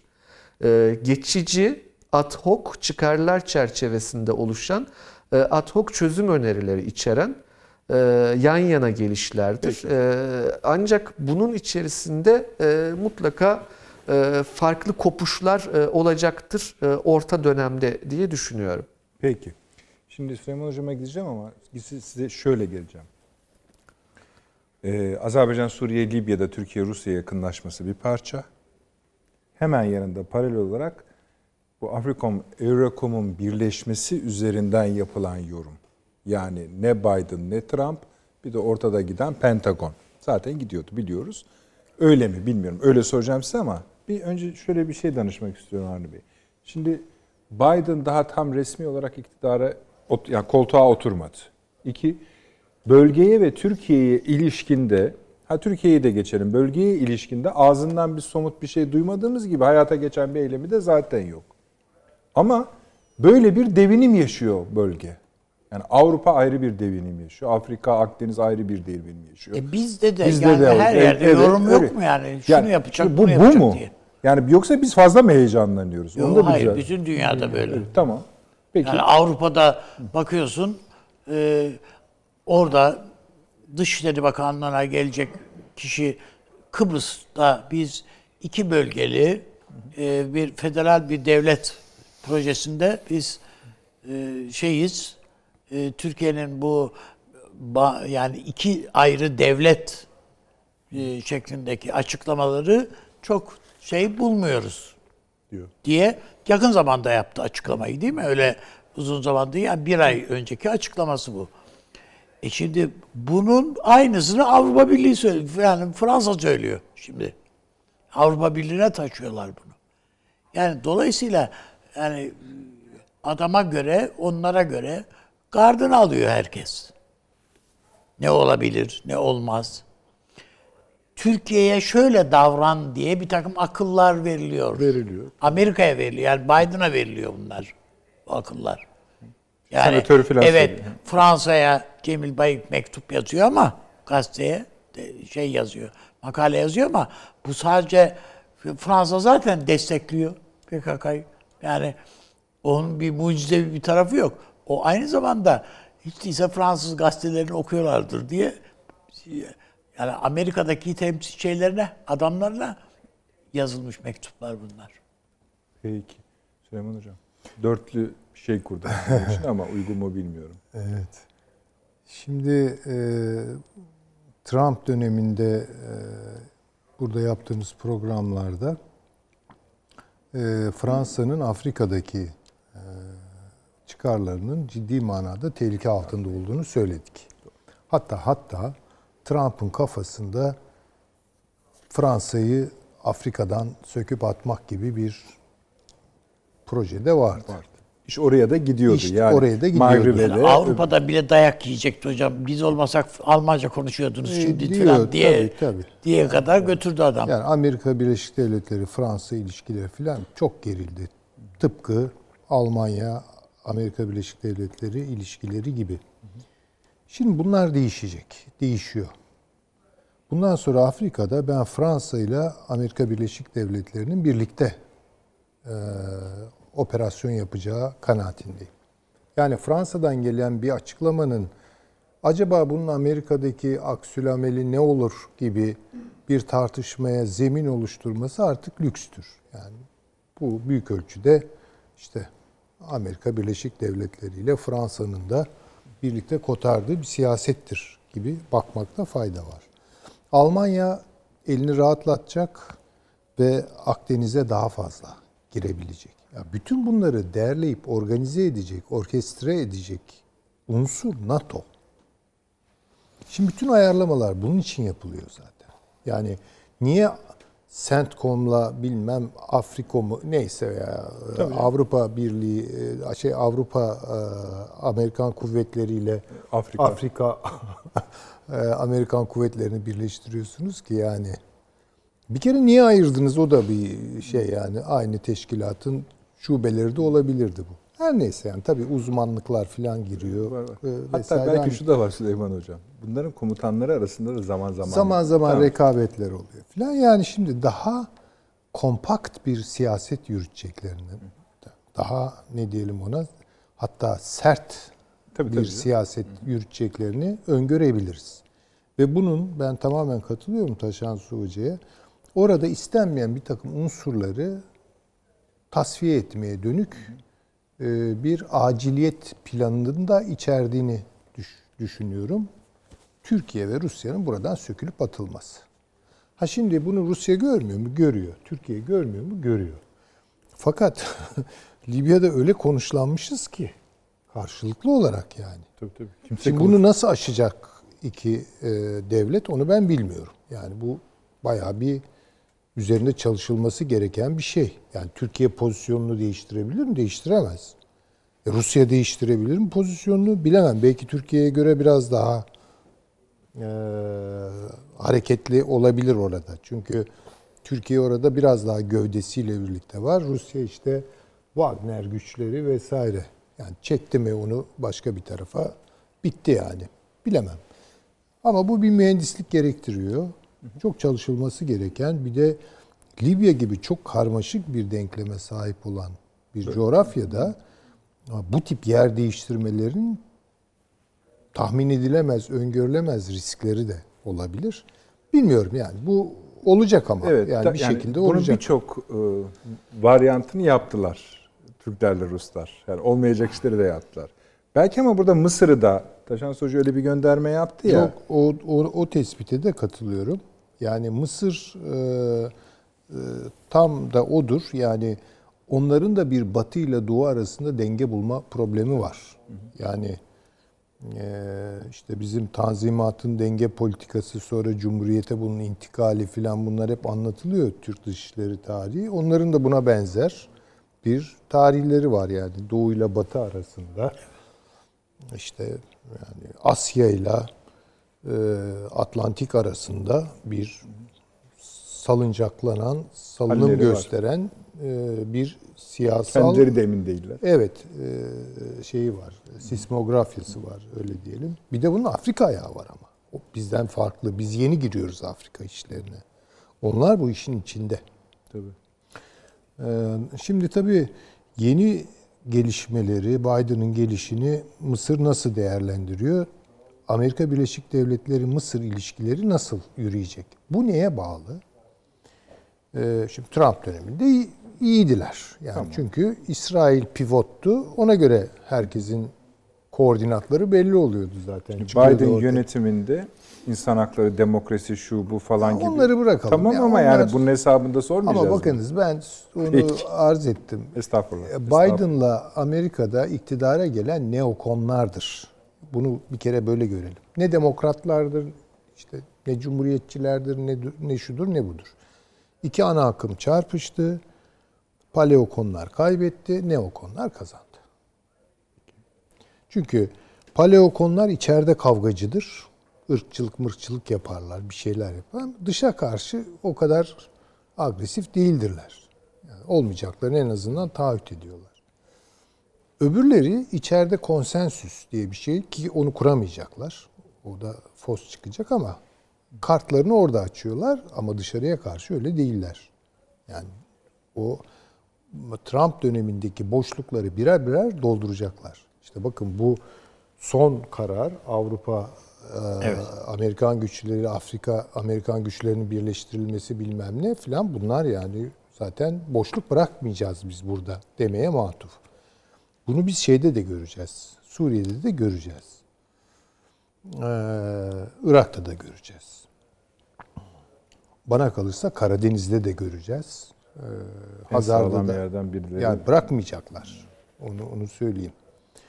Ee, şimdi Mısır'ın e, dış siyasetinde bir dönüşüm olabilir mi?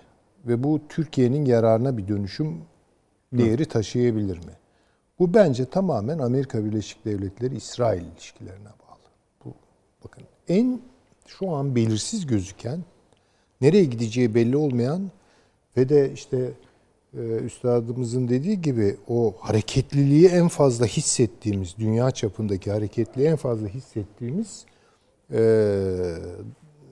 ne diyelim ona eksen burası. Hocam İsrail yangından mal kaçırıyor esasında şu anda. Yani şu an bir şey var. Yani o işgal altındaki bölgeler bilmem hepsinde o yeni yapılanmalar, Tabii, tabii. binalar patır patır dikiliyor filan. Şimdi şöyle bir şey var. Yani Netanyahu demek ne demek? Yani biraz da Trump kafası yani. yani ne diyelim? Yani öncelikle işte İsrail deyip efendim söyleyeyim İsrail'in çıkarlarını bölgede tesis etmek. Şimdi çok büyük bir destek aldı Trump'tan biliyoruz. Ama Biden'dan bu destek gelecek mi gelmeyecek mi soru işareti. Eğer bu destek gelmezse Mısır açığa düşer. Yani çünkü Mısır İsrail'e yakınlaşmak Tabii, tabii, suretiyle tutundu bugüne kadar. Ama Denge Taşan dediğiniz siyaset o zaten evet, hocam Taşan Mısır. Hoca'nın dediği gibi tabii Mısır-Rusya ilişkileri derindir. Ama bunu aşamaz. Yani bu, bu tabloda aşamaz. Ama eğer Biden İsrail'e karşı soğuk, Netanyahu'nun taleplerini karşılama konusunda kararsız veya işleri ağırdan alan en azından bir performans koyarsa ortaya, İran'la nükleer anlaşma bilmem ne meselelerini e, yükseltirse, tırmandırırsa İsrail Amerika Birleşik Devletleri ilişkileri gerilir. Yani şimdi orada küre müre de kalmaz. yani ve Mısır da açığa düşer. Suudi Arabistan da açığa düşer. Ee, Birleşik Arap Emirlikleri'nin zaten hiç önemi yok. Ee, Onlar ayrı değerlendirmeli ama Suudi Arabistan hakikaten açığa düşer. Mısır da. E Çünkü hep şunu söylemiyor muyuz biz? Yani Biden'ın gelmesinden dolayı Suudlar endişeli işte Türkiye'nin kapısını hafif yokladılar falan diyoruz değil mi? E, şu an partneri İsrail. Peki İsrail ne yapıyor? İsrail de son derece endişeli tabii ki. Ve Trump'la şu ara güvenemedikleri için birlikte daha neler yapabiliriz? İşte İran'ı bombalamak gibi bir senaryo konuşuluyor. Olursa da hiç şaşırmayacağız. Ama bu Biden'ı bombalamaktır. Biden'ın siyasetlerini izin bombalamak. vermez Amerikan sistematiği bence. E, Valla bilmiyorum. Yani Pentagon izin vermez. Bence vermez. neye izin vermez? Bombalamaya mı? E, Valla bilemiyorum. Şimdi Ben tabii- sizi anlıyorum. Hani İran konusundaki şeyin tutu, şahinlerin tutumunu falan bildiğimiz için öyle. Ama Biden daha fazlasını yapacağı için ben Ee, onu Ayrı tabii bir- bilemiyorum. Orada istedikleri savaşsa onlara rasyoneller nasıl oluşuyor bazen Tabii, e, bekleyemiyoruz. Dolayısıyla Mısır şu an bekliyor bence ve e, bu bekleme süresini de Amerika Birleşik Devletleri İsrail ilişkilerini tartarak e, geçirecek. Eğer İsrail Amerika Birleşik Devletleri ilişkileri beklendiği gibi gitmezse Avrupa Birliği ve İsrail ilişkileri derinleşmezse ki belli mesafeler var, belli soğukluklar var. Gene bu İran meselesi yüzünden filan. e, İsrail'in ne yapacağını bilmiyorum. Yani İsrail'in de bu konuda herhalde bir takım planları var. Başka bir ihtimal Netanyahu'nun e, ekibinin e, iktidarı bırakması ve daha Biden tarzı düşünen bir başka e, İsrail'in ortaya çıkması. E, bunun da ben e, pek ihtimal dahilinde olduğu kanaatinde değilim. Yani bir kere zaten olağanüstü bir seçim yapılması lazım, erken seçim yapılması lazım. Alışıktırlar gerçi bunu yapmaya ama bunun arka planı boş. Yani İsrail'de Netanyahu'nun sonrası Liberman olabilir yani. yani. Daha da tırmanır bu işler orada. Öyle görüyorum ben. Onun için Mesela bu Avni abi demin sayarken söylemedi ama geçen programda bahsetmişti. Hamas'la da e, görüşme. Hayır adamlar olabildiği kadar ayaklarına bağlayan şeylerden kurtulmak istiyorlar. kurmaya çalışıyorlar ama yani tabii ki e, son derece e, Bunu şiddet de- şiddet bir takım siyasetlere dayalı olarak yani sindirmeye, ezmeye e, vesaire. Ee, onun için İsrail Amerika Birleşik Devletleri ilişkilerini nasıl seyredeceği bence birçok şeyi belirleyecek burada. Ben öyle görüyorum. Rusya'nın da e, İsrail siyasetlerini belirleyecek. Rusya'nın da Türkiye ve Mısır ilişkilerini bel- belirleyecek. E, Taşansı Hoca'nın kurduğu yani Putin'in kafasından geçen böyle bir blok oluşturma bu bir taslak. Tabii. Ama aslında tabii bu taslağı tehdit eden çok şey var. Var. Aslında şunu da konuşmuyoruz. Biden'ın söyledikleri ya da Biden'ın yapabilecekleri üzerine düşünülen her şey de taslak ve onu da tehdit edebilecek Ama çok şey hani var. bazıları nasıl söyleyeyim e, Elle yani durumda, doğru e, söylüyorsun. bir elbise dikerken işte eskiden annelerimizden biliriz patron çıkarılırdı. Öyle öyle. Sonra işte parçalar kesilir, Doğru. teyerlenir. Kesin dikiş en son iş. Yani şimdi bazı ülkeler için daha henüz patron çıkarılıyor. Bazı ülkeler için belki belli teyeller atılıyor. Daha sonra kesin dik. Mesela Patron Avrupa örneği çok güzel bir örnek. ee, mesela Avrupa Birliği, Amerika Birleşik Devletleri ilişkileri daha kesin dikişe gidiyor. Bakın bunu söyleyelim. Yani Amerika Birleşik Devletleri ilişkileri Avrupa Birliği. Ha, tabii, o tamam. O, o hemen Tabii. yani e, üzerinde çok İşte düşünülme- biraz geriye şu kalıyor. Kumaş ve terzilik.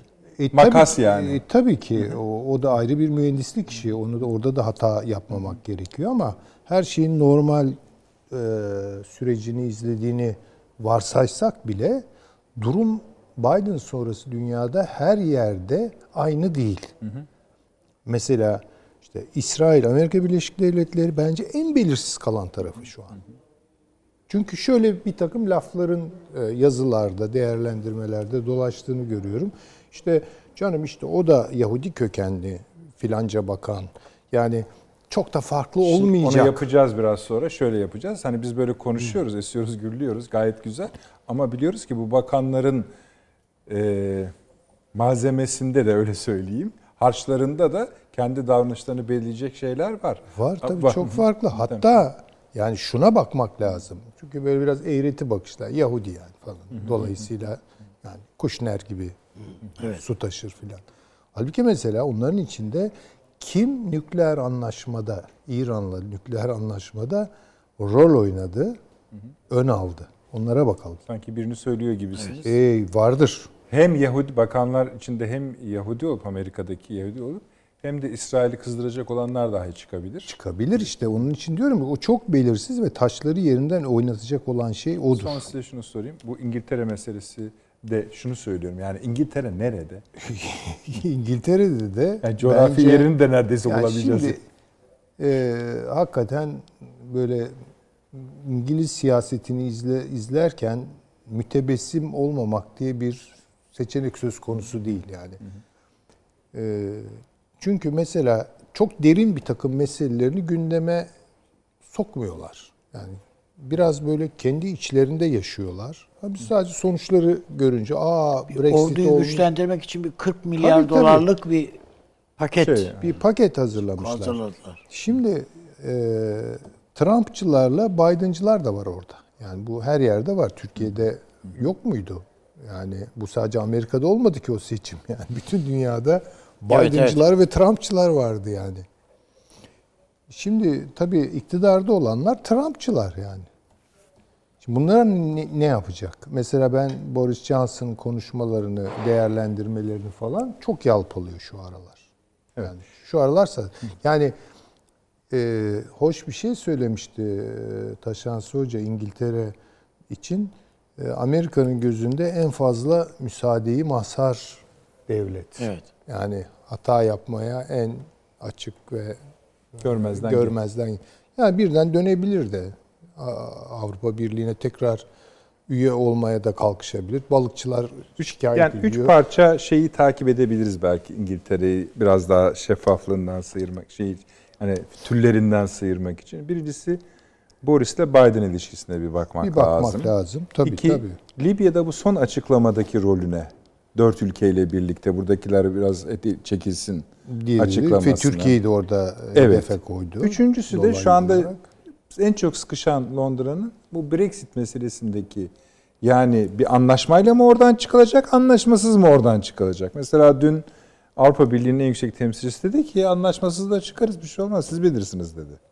Ama e, Boris Johnson'a bu konuda ülke içinden ağır baskı geliyor ekonomi kanatlarından, sendikalardan, şuradan buradan Tabii falan. tabii tabii yani en son balıkçılar işte e, bittik Bu mahvolduk. mesele bayağı Brexit ayrılışı. Tabii bayağı bu mesele. Yani. yani. mesela kimse de ya bunlar ne biçim devlet böyle dün çıktılar bugün girdiler falan da demezler. Şundan geri için. geldik mi Süleyman Hocam? Hatırlıyorsunuz Boris Johnson ilk seçildiğinde Rusya ile ilişkilerimizi düzelteceğiz demişti.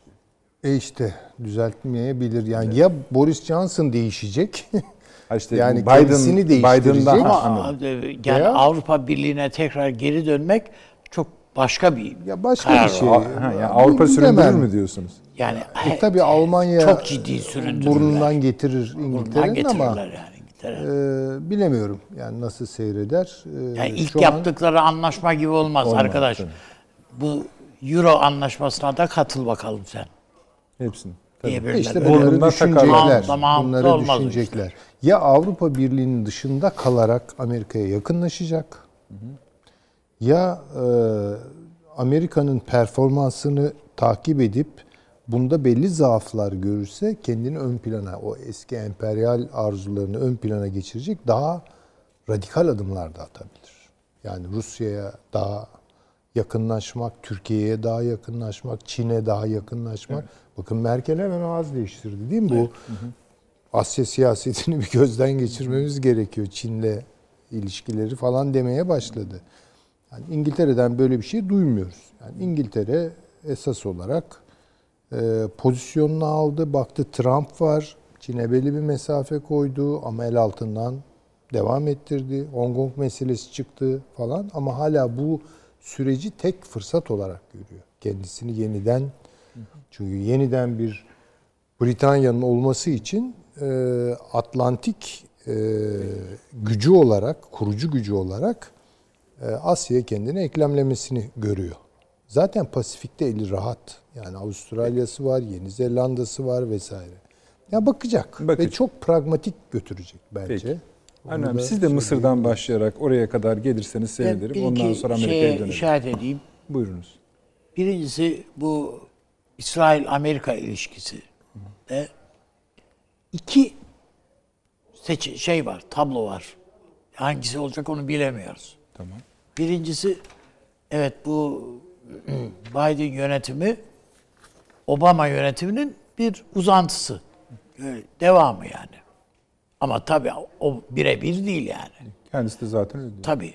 Ama Obama'nın tecrübelerini herhalde Biden değerlendirmiştir. Yani Netanyahu'yu Obama'nın kabul etmediği Netanyahu'yu Amerikan Parlamento Kongresi'nin ayakta karşıladığını herhalde hatırlayacaktır yani. Evet evet. Bu Obama'nın yüreğine oturdu. Yani bu kadar ağır bir hakarete bir Amerikan başkanı e, bütün Amerikan tarihinde hiç herhalde uğ- uğramamıştır. Yok öyle. Ee, bekle birinci şey bu. Yani bunun acısını çıkarabilir İsrail'den. Soğuk davranır, mesafeli davranır. İsrail politikalarına özellikle bu işgal şu bu bunlara karşı şey itici var. Ya da tam tersine ya da tam tersine sütten ağzı yanar, yoğurdu üfleyerek yer yani. İsrail'e yaklaşır. Bu da olabilir yani. Yani ne kadar yumuşatırsak bunu ehlileştirirsek o kadar iyidir. Olabilir. Yani böyle bir şey de olabilir. İkincisi Avrupa Birliği Amerika Avrupa Amerika ilişkilerine bakınca da çok fazla öyle yani içli dışlı bir şey evet Avrupa'ya dönük yüzü Amerika'nın olacak. O ona şüphe yok. Anlaşılıyor zaten. Ama Trump öyle bir ölümü gösterdi ki Avrupa'ya hastalığa şükredecekler. Yani Biden'dan gelecek her istek Avrupa'da kabul görecek. İçlerine sinsin. Yani daha iyidir nasılsa. Bu Trump'ın getireceğinden diyerek bana göre e, o seçenekler öyle yürüyecek. Bu Türkiye açısından e, daha önce de yani düşündü yani bizi ürküde yani dehşete düşürecek kadar bir şey önümüze geleceğini düşünmüyorum ben açıkçası. Bu Türkiye ile masaya oturacak, pazarlık edecek falan anlamında söylemedim. Yani en azından Dışişleri Bakanı'nın Kıbrıs'la ilgili söylediklerini biliyoruz. Daha önceden bu PYD ile ilgili yapılan açıklamalar var. Biden'ın bizzat kendisinin yani Erdoğan'la ilgili, Türkiye iç siyasetiyle ilgili filan lafları var, şunlar var, bunlar var. Ya ben en başta bu teklemekle olaylarını şey yaparken yani biz muhalefetle oynayacağız filan şeyleri. Yani hepsini altında bir bir şeyler var, kaynatılıyor diye düşünüyorum. O düşünüyorum. Ama bu Türkiye aleyhine e, bir şey e, kurgu yani Türkiye'yi gözden çıkarıp bunu ya Rusya'ya kap terk etsek ne olur ya falan. Böyle bir şey olacağını düşünmüyorum. Hayır, kaygıların mesela Suriye, mesela Tabii. YPG, Aynı şekilde yani ben mesela Suriye konusunda daha yakın davranılabilir. Çünkü Trump'ın bu veyahut da Pentagon'un e, PYD politikası tutmadı kardeşim yani. Dikiş orada tutmuyor, patlıyor. Yani e, geçen e, topla şeyde e, ya Paşam söyledi ya Taşan Hoca söylediydi. Bu Arap birlikleri Suriye'de Amerika oluşturdu. E bu Türkiye bunun oluşmasında Türkiye'nin de etkisi var tabii ya. Oradaki aşiretlerle olan yakınlaşmaların da etkisi var. Yani orada o PKK veya PYD yapılanmasını parçalayan bir takım şeyler oldu. Bu Amerikan hamlesi. Ancak ama Amerika orada kendi kurgusunu tutturabilmek için yapıyor bunları. O Arap aşiretlerini örgütleme işini bilmem neyi filan filan. Yani Arap bayağı gücünü. üstadım Amerika ile Türkiye'nin yakınlaşacağını. Hayır hayır hayır. Böyle bir şey söylemem. Ben kork yani korktu. Ağırlık hakkında. Ben sadece hani bize eğer şiddetli bir dalga gelecek, bir tsunami gelecek üstümüze bu tsunami'nin şiddeti ne olur anlamında söylüyorum bunu. Onun için bunu zaten hani göğüslemeye hazırlanmalıyız derken siyaset dikkat ederseniz oradan gelecek yorumlarda ya üzerine e, şeyde görevliler belli olunca özellikle e, Birleşmiş Milletler'e tayin ettiği temsilci, tayin edici, zenci bir temsilci değil mi? Evet. Evet, onun yaptığı konuşmada, Biden'ın da bulunduğu konuşmada e, artık diplomasi geri döndü dedi. Bu Türkiye'nin esasında e, lafını din, yani dayatmalardan, şundan bundan öyle Twitter işlerinden vazgeçtik. Biz diplomasiyle göreceğiz demektir. Bu e, Türkiye açısından da kötü bir şey, şey değil yani müzakere meselesidir. Eğer Türkiye e, mutlaka hasa- biz bir takım bize faturaları çıkaracaklar.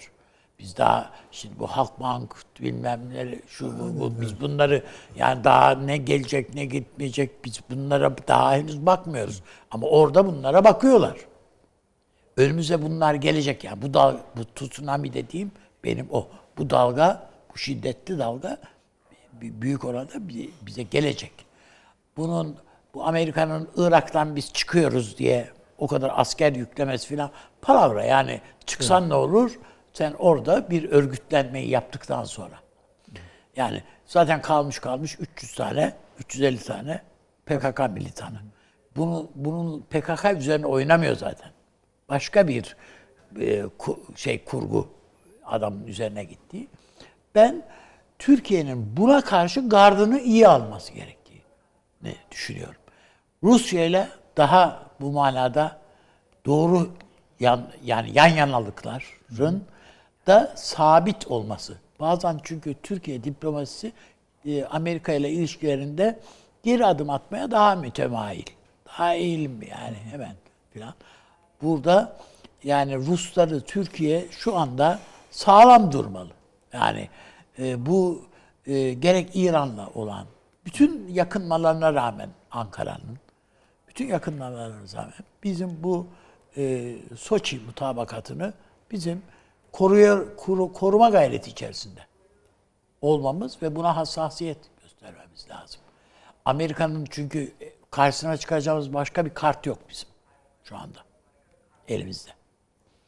Yani sağlam bir kart bu üstelik de. Ee, o bakımdan ben e, ayrıyeten Amerika'nın tabii ilk meselesi yani Türkiye falan da değil yani ayrıyeten. Değil Ee, değil. yani günde bilmem kaç bin kişinin öldüğü bir ülke.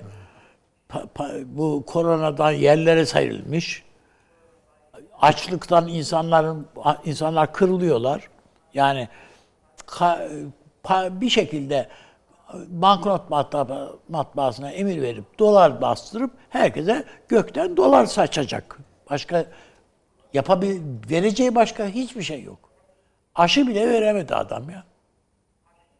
Yani onun için Amerika'nın birinci derdi, Biden'ın bana göre birinci derdi önce Amerikan halkına bak geldi ortalıkta bir soluk aldık dedirttirebilmek. Yapabilirse bunu. Ki yapmaya çalışacaktır herhalde diye düşünüyorum. Ee, daha e, ya Obama bunun şeyi gelmeden gel, başladığının ikinci günü mü neydi bu Nobel?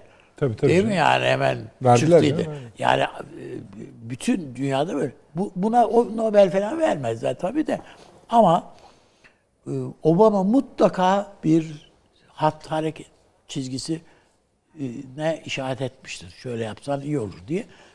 Ve biz mesela yeterince değerlendiremedik. Obama'nın Ankara'da parlamentoda, mecliste yaptığı bir konuşma var. O tam bir fırçaydı yani Türkiye'ye.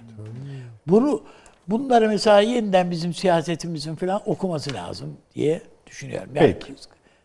Peki teşekkür İşaret edebileceğim şeyler bunlar. Çok teşekkür ediyorum. Taşan Hoca'ya gideceğiz ama yani kab- Amerikan kabine üyelerinin malzemeleri üzerinden de hareket ederek bir reklama gidelim efendim. Kısadır döneceğiz hemen. Bir dakika reklam arası. Haberin sosyal medyası gzt.com sizi çok farklı bir okuyucu deneyimine davet ediyor. Merak ettiğiniz sorular yanıt buluyor, henüz duymadığınız şaşırtıcı konularsa karşınıza geliyor. Yorumlarınıza editörler cevap veriyor, arkadaşlarınızla paylaşmak isteyeceğiniz eğlenceli içerikler hazırlanıyor. Sizler için kamera karşısına geçiliyor ve olaylar sıkmadan ve anlaşılır şekilde anlatılıyor. Özel infografikler, videoların yanı sıra burada sayamayacağımız sayıda farklı dergiler. Şimdi telefon ekranınızı daha da anlamlandırmak için sizi davet ediyoruz. GZT uygulamasına iOS ve Android marketlerden kolaylıkla erişebilir, pişman olmazsınız. Mutlaka indirin. Reklam arası sona erdi. Devam ediyoruz efendim akıl odasına ama Ankara'dan ve Amerika'dan devam ediyoruz. Taşans Hocam, e, bu kabine üyeleri meselesini Süleyman Hocam çıkardı başımıza. Öyle söyleyeyim. evet. O- bakış açısı üzerinden tekrar Avrupa Amerika Birleşik Devletleri'ne yürüyebilir miyiz? İsimler üzerinden mesela. Deneyebilir misiniz bizim için? Ta- tabii tabii Ee, ama hani oraya gelirken belki şöyle bir hızlı tur atmak e, o kabineyi anlamak açısından Peki. önemli olabilir Hızlı olduğu için kabul ediyorum. Ee, birkaç gelişme çok çok hızlıca mesela bu Etiyopya'nın e, Tigray bölgesine harekatı başladı bugün son harekat diyorlar. E, Yani o Biden'ın gelişiyle ilişkilendirmek gerekiyor. Çünkü e, Rönesans Barajı'na e, finansman Çin'den ve Mısır'ı sıkıştıran bir şey bu. E, Trump ne kadar karşıydıysa e, Biden da o kadar taraftarı. Şimdi bu bunun dışında mesela Lavrov'un e, Irak Dışişleri Bakanı ile yaptığı toplantıdaki bazı cümleleri var. Çok önemsiyorum. Bu şu biraz önceki Sincar ve Suriye'nin kuzeydoğusu ile ilgili e, olası gelişmeler açısından önemlidir diye düşünüyorum. Hem de Türk-Rus ilişkileri anlamında. E, birincisi Kuzey Irak'a bugüne kadar 13 milyar dolarlık e, enerji altyapı yatırımı yaptık dedi. E, Rosneft ve Lukoil başta olmak üzere. İkincisi e, Bağdat merkezi hükümetiyle de güvenlik işbirliği konusunda dedi e, kusursuz bir ilişkimiz var. Amerikalıların çekileceğine falan da güvenmiyoruz ama biz buradayız dedi Lavrov. Şimdi bu Irak'da yine o çerçevede değerlendirelim. E, diğer bir husus Süleyman Hoca'nın söylediği metaforla patron çıkarmak terzi işinde. Şimdi sırtı kola dikmeye çalışıyor. Teyel değil dikiş atmaya çalışıyor Amerika doğru. Yani sırt Amerika kol e, şeyse eğer Avrupa ise ama kolun teyelleri atıyor. Yani kolun kendi içinde sıkıntılar var. Örneğin e, Macaristan ve Polonya Avrupa Birliği'nin 2021-2027 bütçesini veto etti birincisi. İkincisi Brüksel e, Macaristan'ı uyardı Rus aşısını almaması konusunda. Bakın bu aşı mevzu artık bir stratejik tercih haline aldı ülkeler için. Yani kim kimin aşısını kullanıyor stratejik tarafını belirleyen bir şeye doğru gidiyor. Bu bunu iyi takip etmek lazım diye düşünüyorum. Diğer bir husus e, Hindistan, Afrika'dan bağlayacak olursak, şimdi Fransa üst kuruyor, Hindistan'la asker ilişkilerini geliştiriyor. Bunun yanında Amerika'da 5. ve 7. filolarını bu bölgede tahkim etme kararı aldı. Bakın bu Trump'ın başlattığı e, Hindistan'la yakınlaşma ve Çin'le konfrontasyon akımının hala devam ettiğini gösterir. Yine burada Hindistan-Çin karşıtlığının komik bir şekilde Malezya'ya kadar uzandığını görüyoruz. Yani Malezya'daki 2 kilometrelik bir köprünün yapımı konusunda birbirlerine girmiş vaziyette Hintliler ve Çinler. Çinliler e, bu, bu bunlar e, önemli. Oradaki asıl ana hattın hala devam ettiğini e, gösterir. Diğer bir husus yine Macaristan teyel tutmuyor dedik ya Avrupa.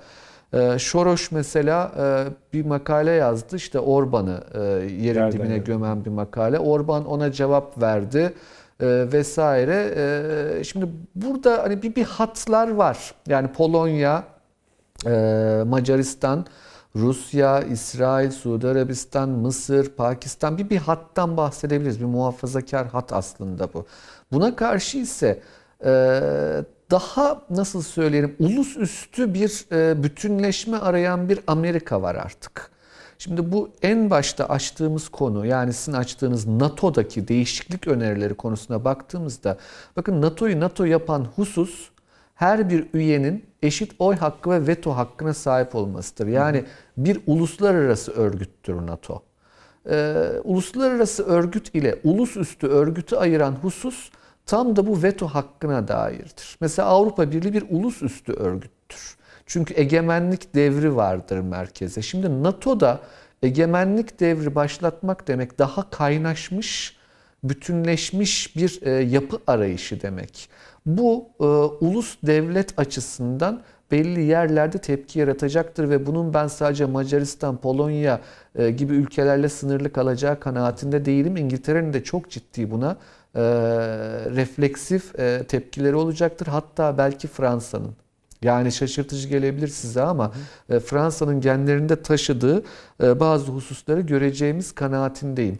Şimdi başka bir husus yine NATO'ya dair bu e, ortakların oy hakları ya da katılımları vesaire. Burada baktığımızda Güney Kıbrıs Türkiye açısından çok kritik. E, yani bu e, Türkiye açısından kabul edilebilir değildir. E, Avusturya, İrlanda ve Malta içinde de baktığımızda İrlanda'nın çok önemli olduğunu tespit etmemiz lazım. Yani Boris Johnson'la e, Biden arasındaki en önemli tartışma konularından bir tanesinin İrlanda olacağını aklımızda bulunduralım lütfen.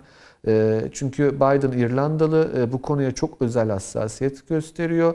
Katolik yani İngiliz İrlanda karşıtlığı, Katolik Protestan karşıtlığı e, artı e, Boris'in e, muhafazakar ulus devletçi tavrına karşılık Biden'ın daha evrenselci ve ulus üstücü tavrı Çin'e karşı Boris'in kuşatmacı tavrına karşı Biden'ın daha appeasement taraftarı olması, yumuşatma taraftarı olması aslında bu iki unsuru e, ciddi anlamda yaran e, pek çok başlık olduğunu gösterir. Diğer bir başlık tabii e, Doğu Akdeniz konusunda Boris Johnson'ın daha Türkofil olması, Türkiye'ye yakın durması, Biden'ın ise daha Grekofil, e, Rum ve e, Kıbrıs tarafına yakın durmasıdır. Yani çok fazla başlıkta bunlar karşı karşıya. Biden e, şey kalır mı, Johnson kalır mı Allah bilir. Bunun benzerlerini Netanyahu-Biden ilişkisinde de kurmamız mümkün bakın.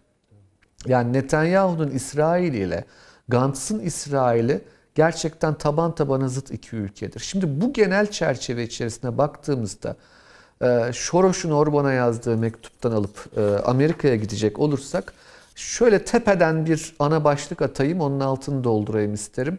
Kissinger sağ, Brzezinski öldü. E, Kissinger muhalefete düştü. Brzezinski iktidarda.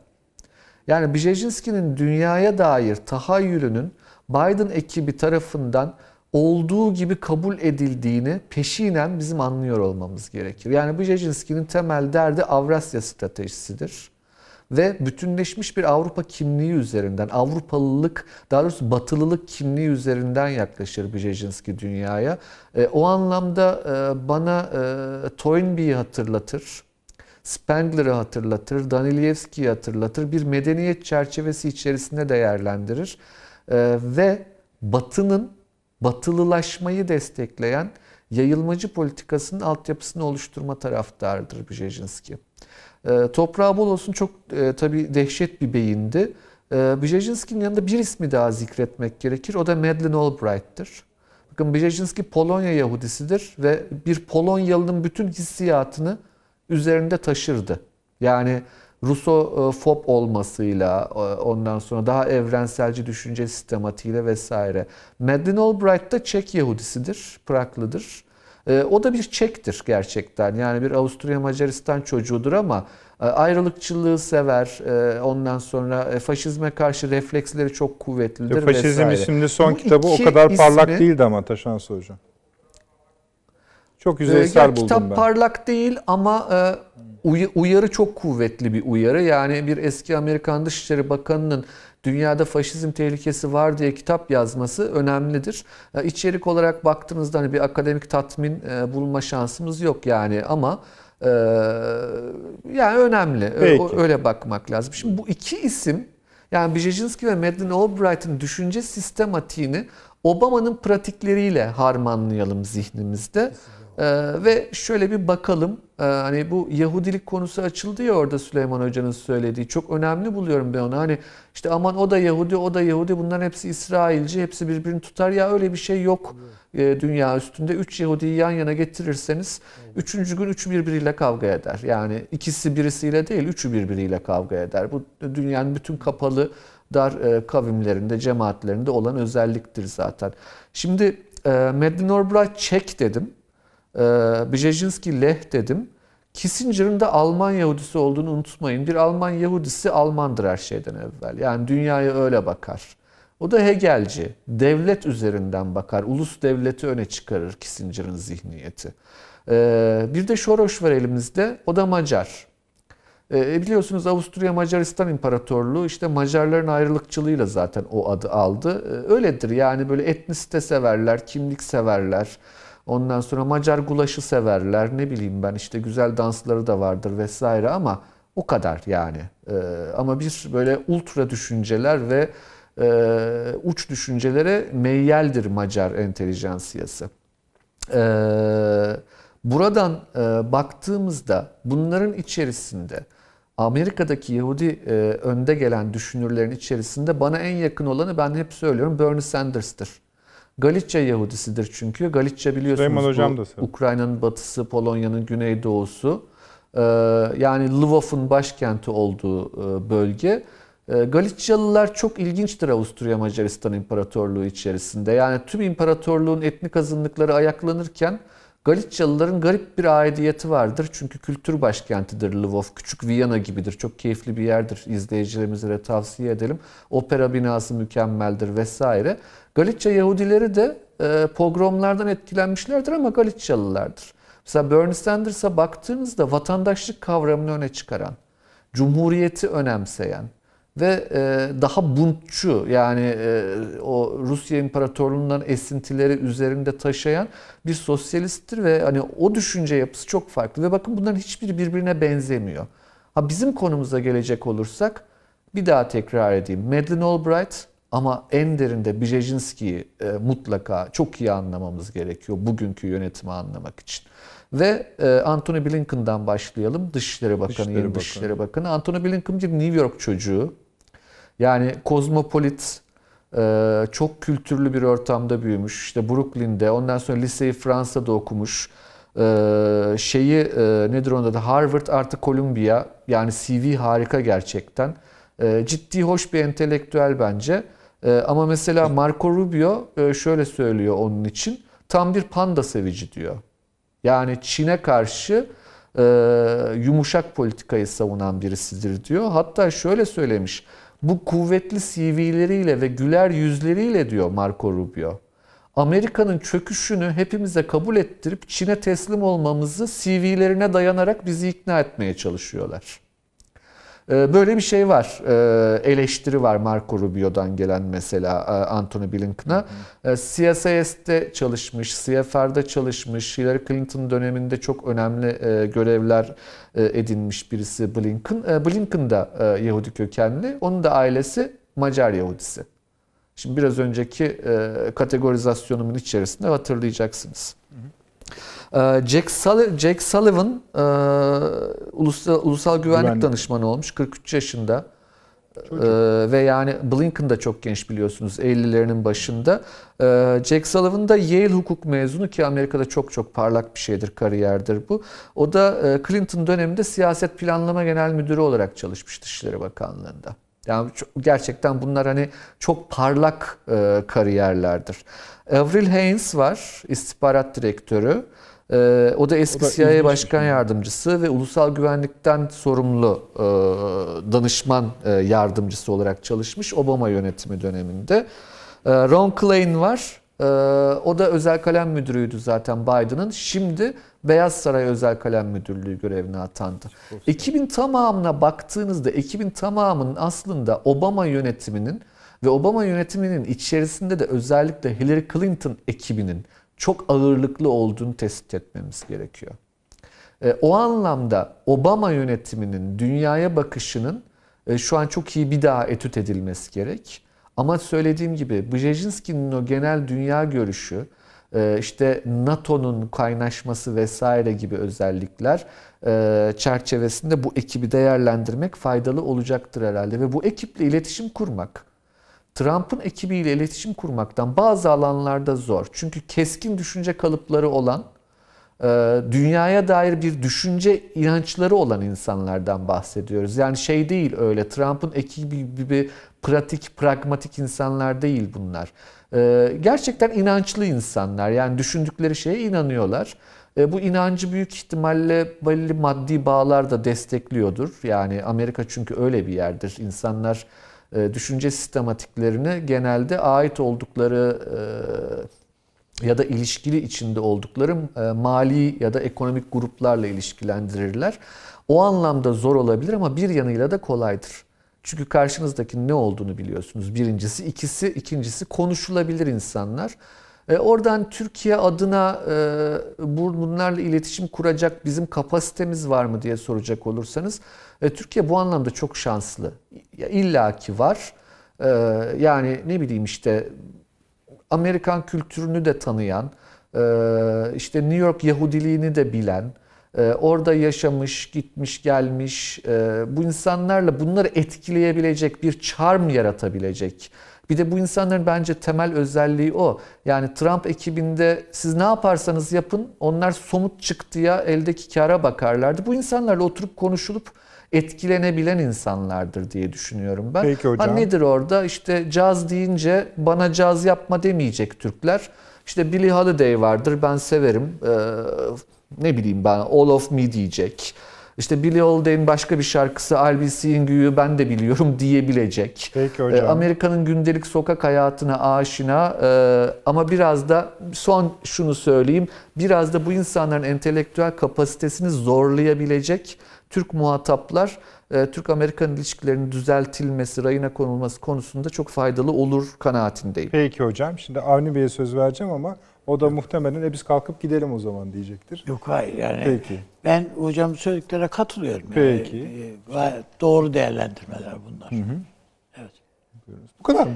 Yani Yani e, yeni Amerikan yönetimine 5 tane Yahudi entelektüeli ya üzerinden... burada onun şaşılası bir tarafı yok. Peki. Yani e, bakıldığında Avrupa'daki pek çok insan da da baktığında bazı birçoğu Türk kökenli çıkıyor veya Türkiye'ye bir şekilde e, değmiş geçmiş ataları falan.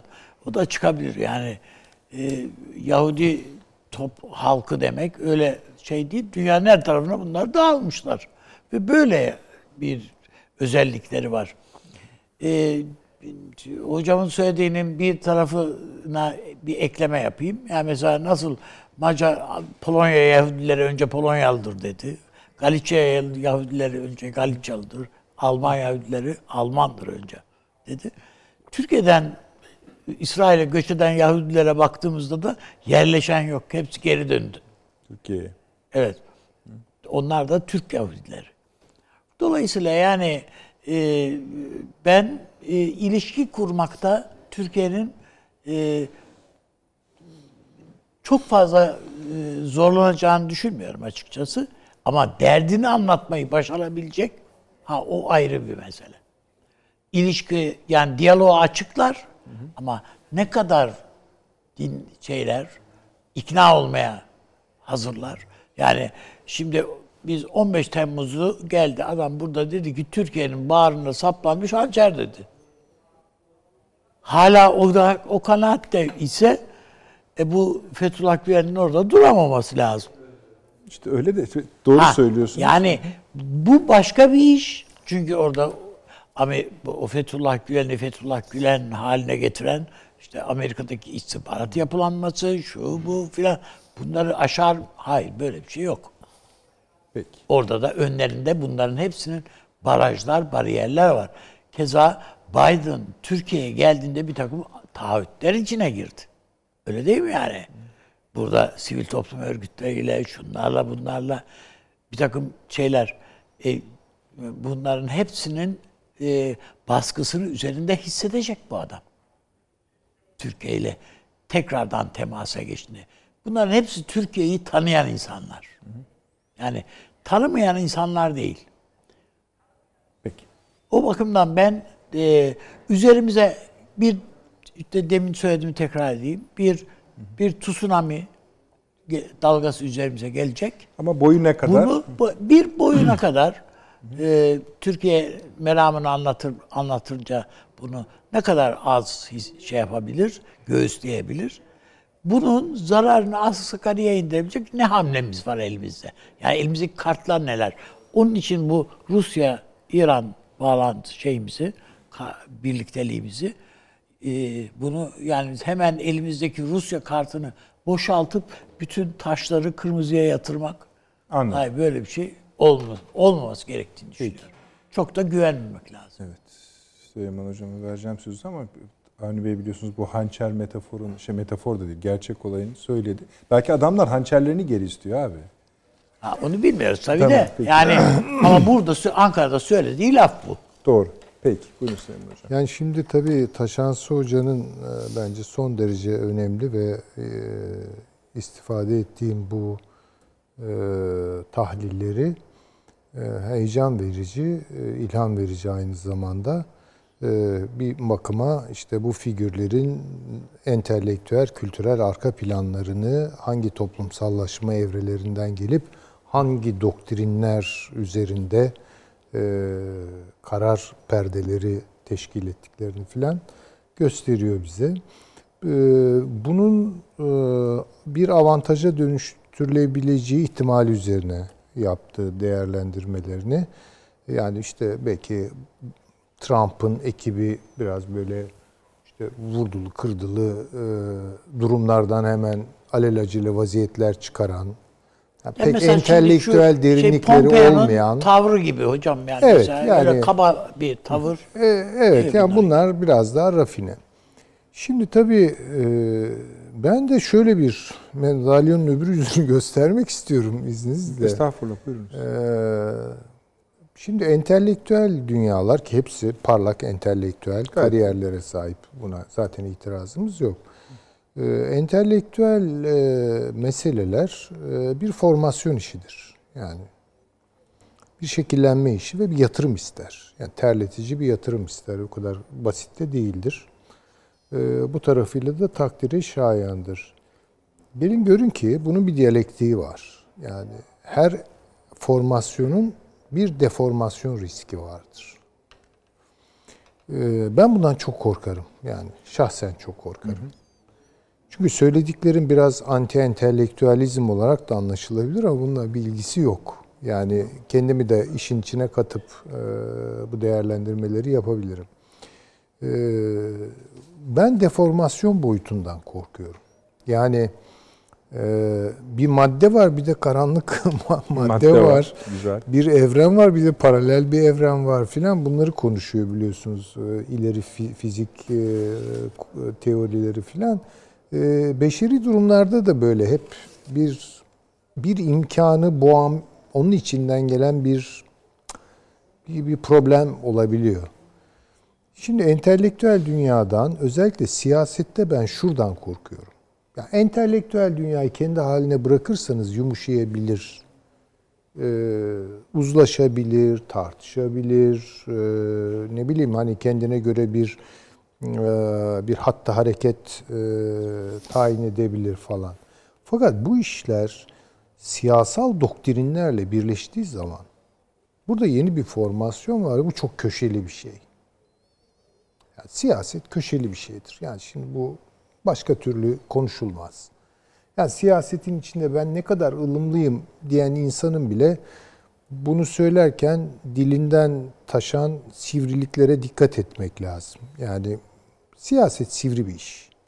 Sert bir iştir siyaset. Ve bu adamlar çok sorunlu bir Amerika'nın e, e, bu tarihinin bu momentinde iş başına geliyorlar. Bir siyasal doktrin etrafında veya işte ardışık olarak kurduğu farklı ama birbirine yakın sayabileceğimiz bir takım formasyonlar bunlar. Bu burada o karanlık e, yüzü işin bence bir risk olarak beliriyor. Ya bu adamlara kendilerinden o kadar eminler ki söyledi Taşansı Hoca yani bunlar inanıyorlar gerçekten. Şimdi zihninizde bir dünya kurduğunuz zaman ve bunu bir siyasal doktrin e, noktasında veya noktayı nazarında savunmaya başladığınız zaman olgular, faktler size rağmen gelişse bile siz onların üzerinde fikirlerinizle ısrarcı olursunuz. Yani böyle bir bir mesele var. Çok uzlaşılabilir bir dünya olduğu kanaatinde değilim ben artık entelektüel dünyanın. Halbuki tersi söylenir. Yani e, işte entelektüel açıdan e, zayıf olan insanlar daha katı tutumlar sergiler, daha obskürantistirler falan gibi bir şey var. Oysa- Halbuki entelektüel dünya bunları açar, esnetir filan. Hiç zannetmiyorum ben. Hele hele siyasete taşınmış bir entelektüel formasyonun Ki zaman zaman ağır bir deformasyon getirebileceği kanaatindeyim. Bu adamlarla nasıl uzlaşılır? Yani tabii çok hoş şeyler de söyledi Taşansı Hoca. Hani iyi bir caz bilgisi bunların rafine zevklerine e, böyle bir e, nasıl yumuşatıcı etki getirebilir. Oradan belki bir diyalog falan. E, yani inşallah öyledir. Tabii adamları bilmiyorum ama formasyonları ve şu anki e, konumları itibariyle e, Peki. bir, biraz deformasyon etkisi bekliyorum ben. Yani ne demek istiyorsunuz Avni Bey Süleyman Hoca konuşurken? Her tarafta bu entelektüelizm, her tarafta deformasyon da Var, var. yol açabiliyor canım. yani. Hepimiz için zaten var. burada Ama var yani, şimdi bunu terbiye etmek belki entelektüel dünyanın içinde kalmakla mü- mümkün. Fakat bu iş siyasete girdiği zaman yani bir entelektüel kariyer Ee, hele hele belli kültürel etkiler üzerinden de e, kendisine istikamet kazanmış bir entelektüel e, kariyer, birikim. Ee, siyaset gibi bir yerin bir şeyin potasına döküldüğü zaman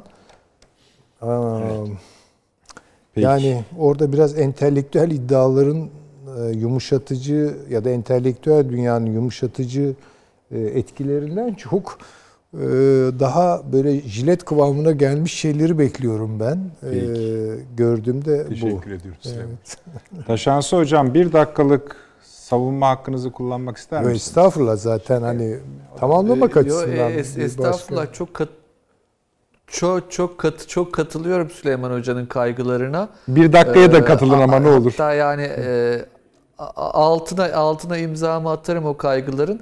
E, sadece hani şunu söylemeye çalışıyorum. E, bu bütün bu kaygılara rağmen, katıldığım kaygılara rağmen zorludur e, ama mümkündür.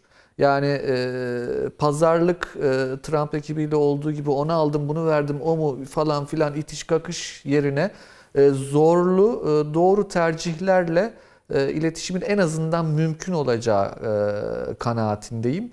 E, o mümküniyat, e, mümküniyat da nasıl bir kelime olduğu, imkan yani demek istediğim, e, o imkan da önemlidir diye düşünüyorum. Sağ olun. Çok teşekkür ediyoruz. Bir şey mi Çok sağ olun. Yok, hayır. Tamam. Abi çok sağ olun. Aa, teşekkür ben de ederim. teşekkür ediyorum. zaten Süleyman Hocam. Sağ olun. Taşans Hocam çok çok selam Ankara'ya. Yeniden, yeniden, yeniden size ayrıca teşekkür ediyoruz. Efendim gece 02'de tekrarımız var. Olmadı kaçırdınız. Yarın YouTube'da lütfen izleyiniz. Ee, bence güzel bir program oldu. Umarım bir takım eksikleri tamamlamıştır.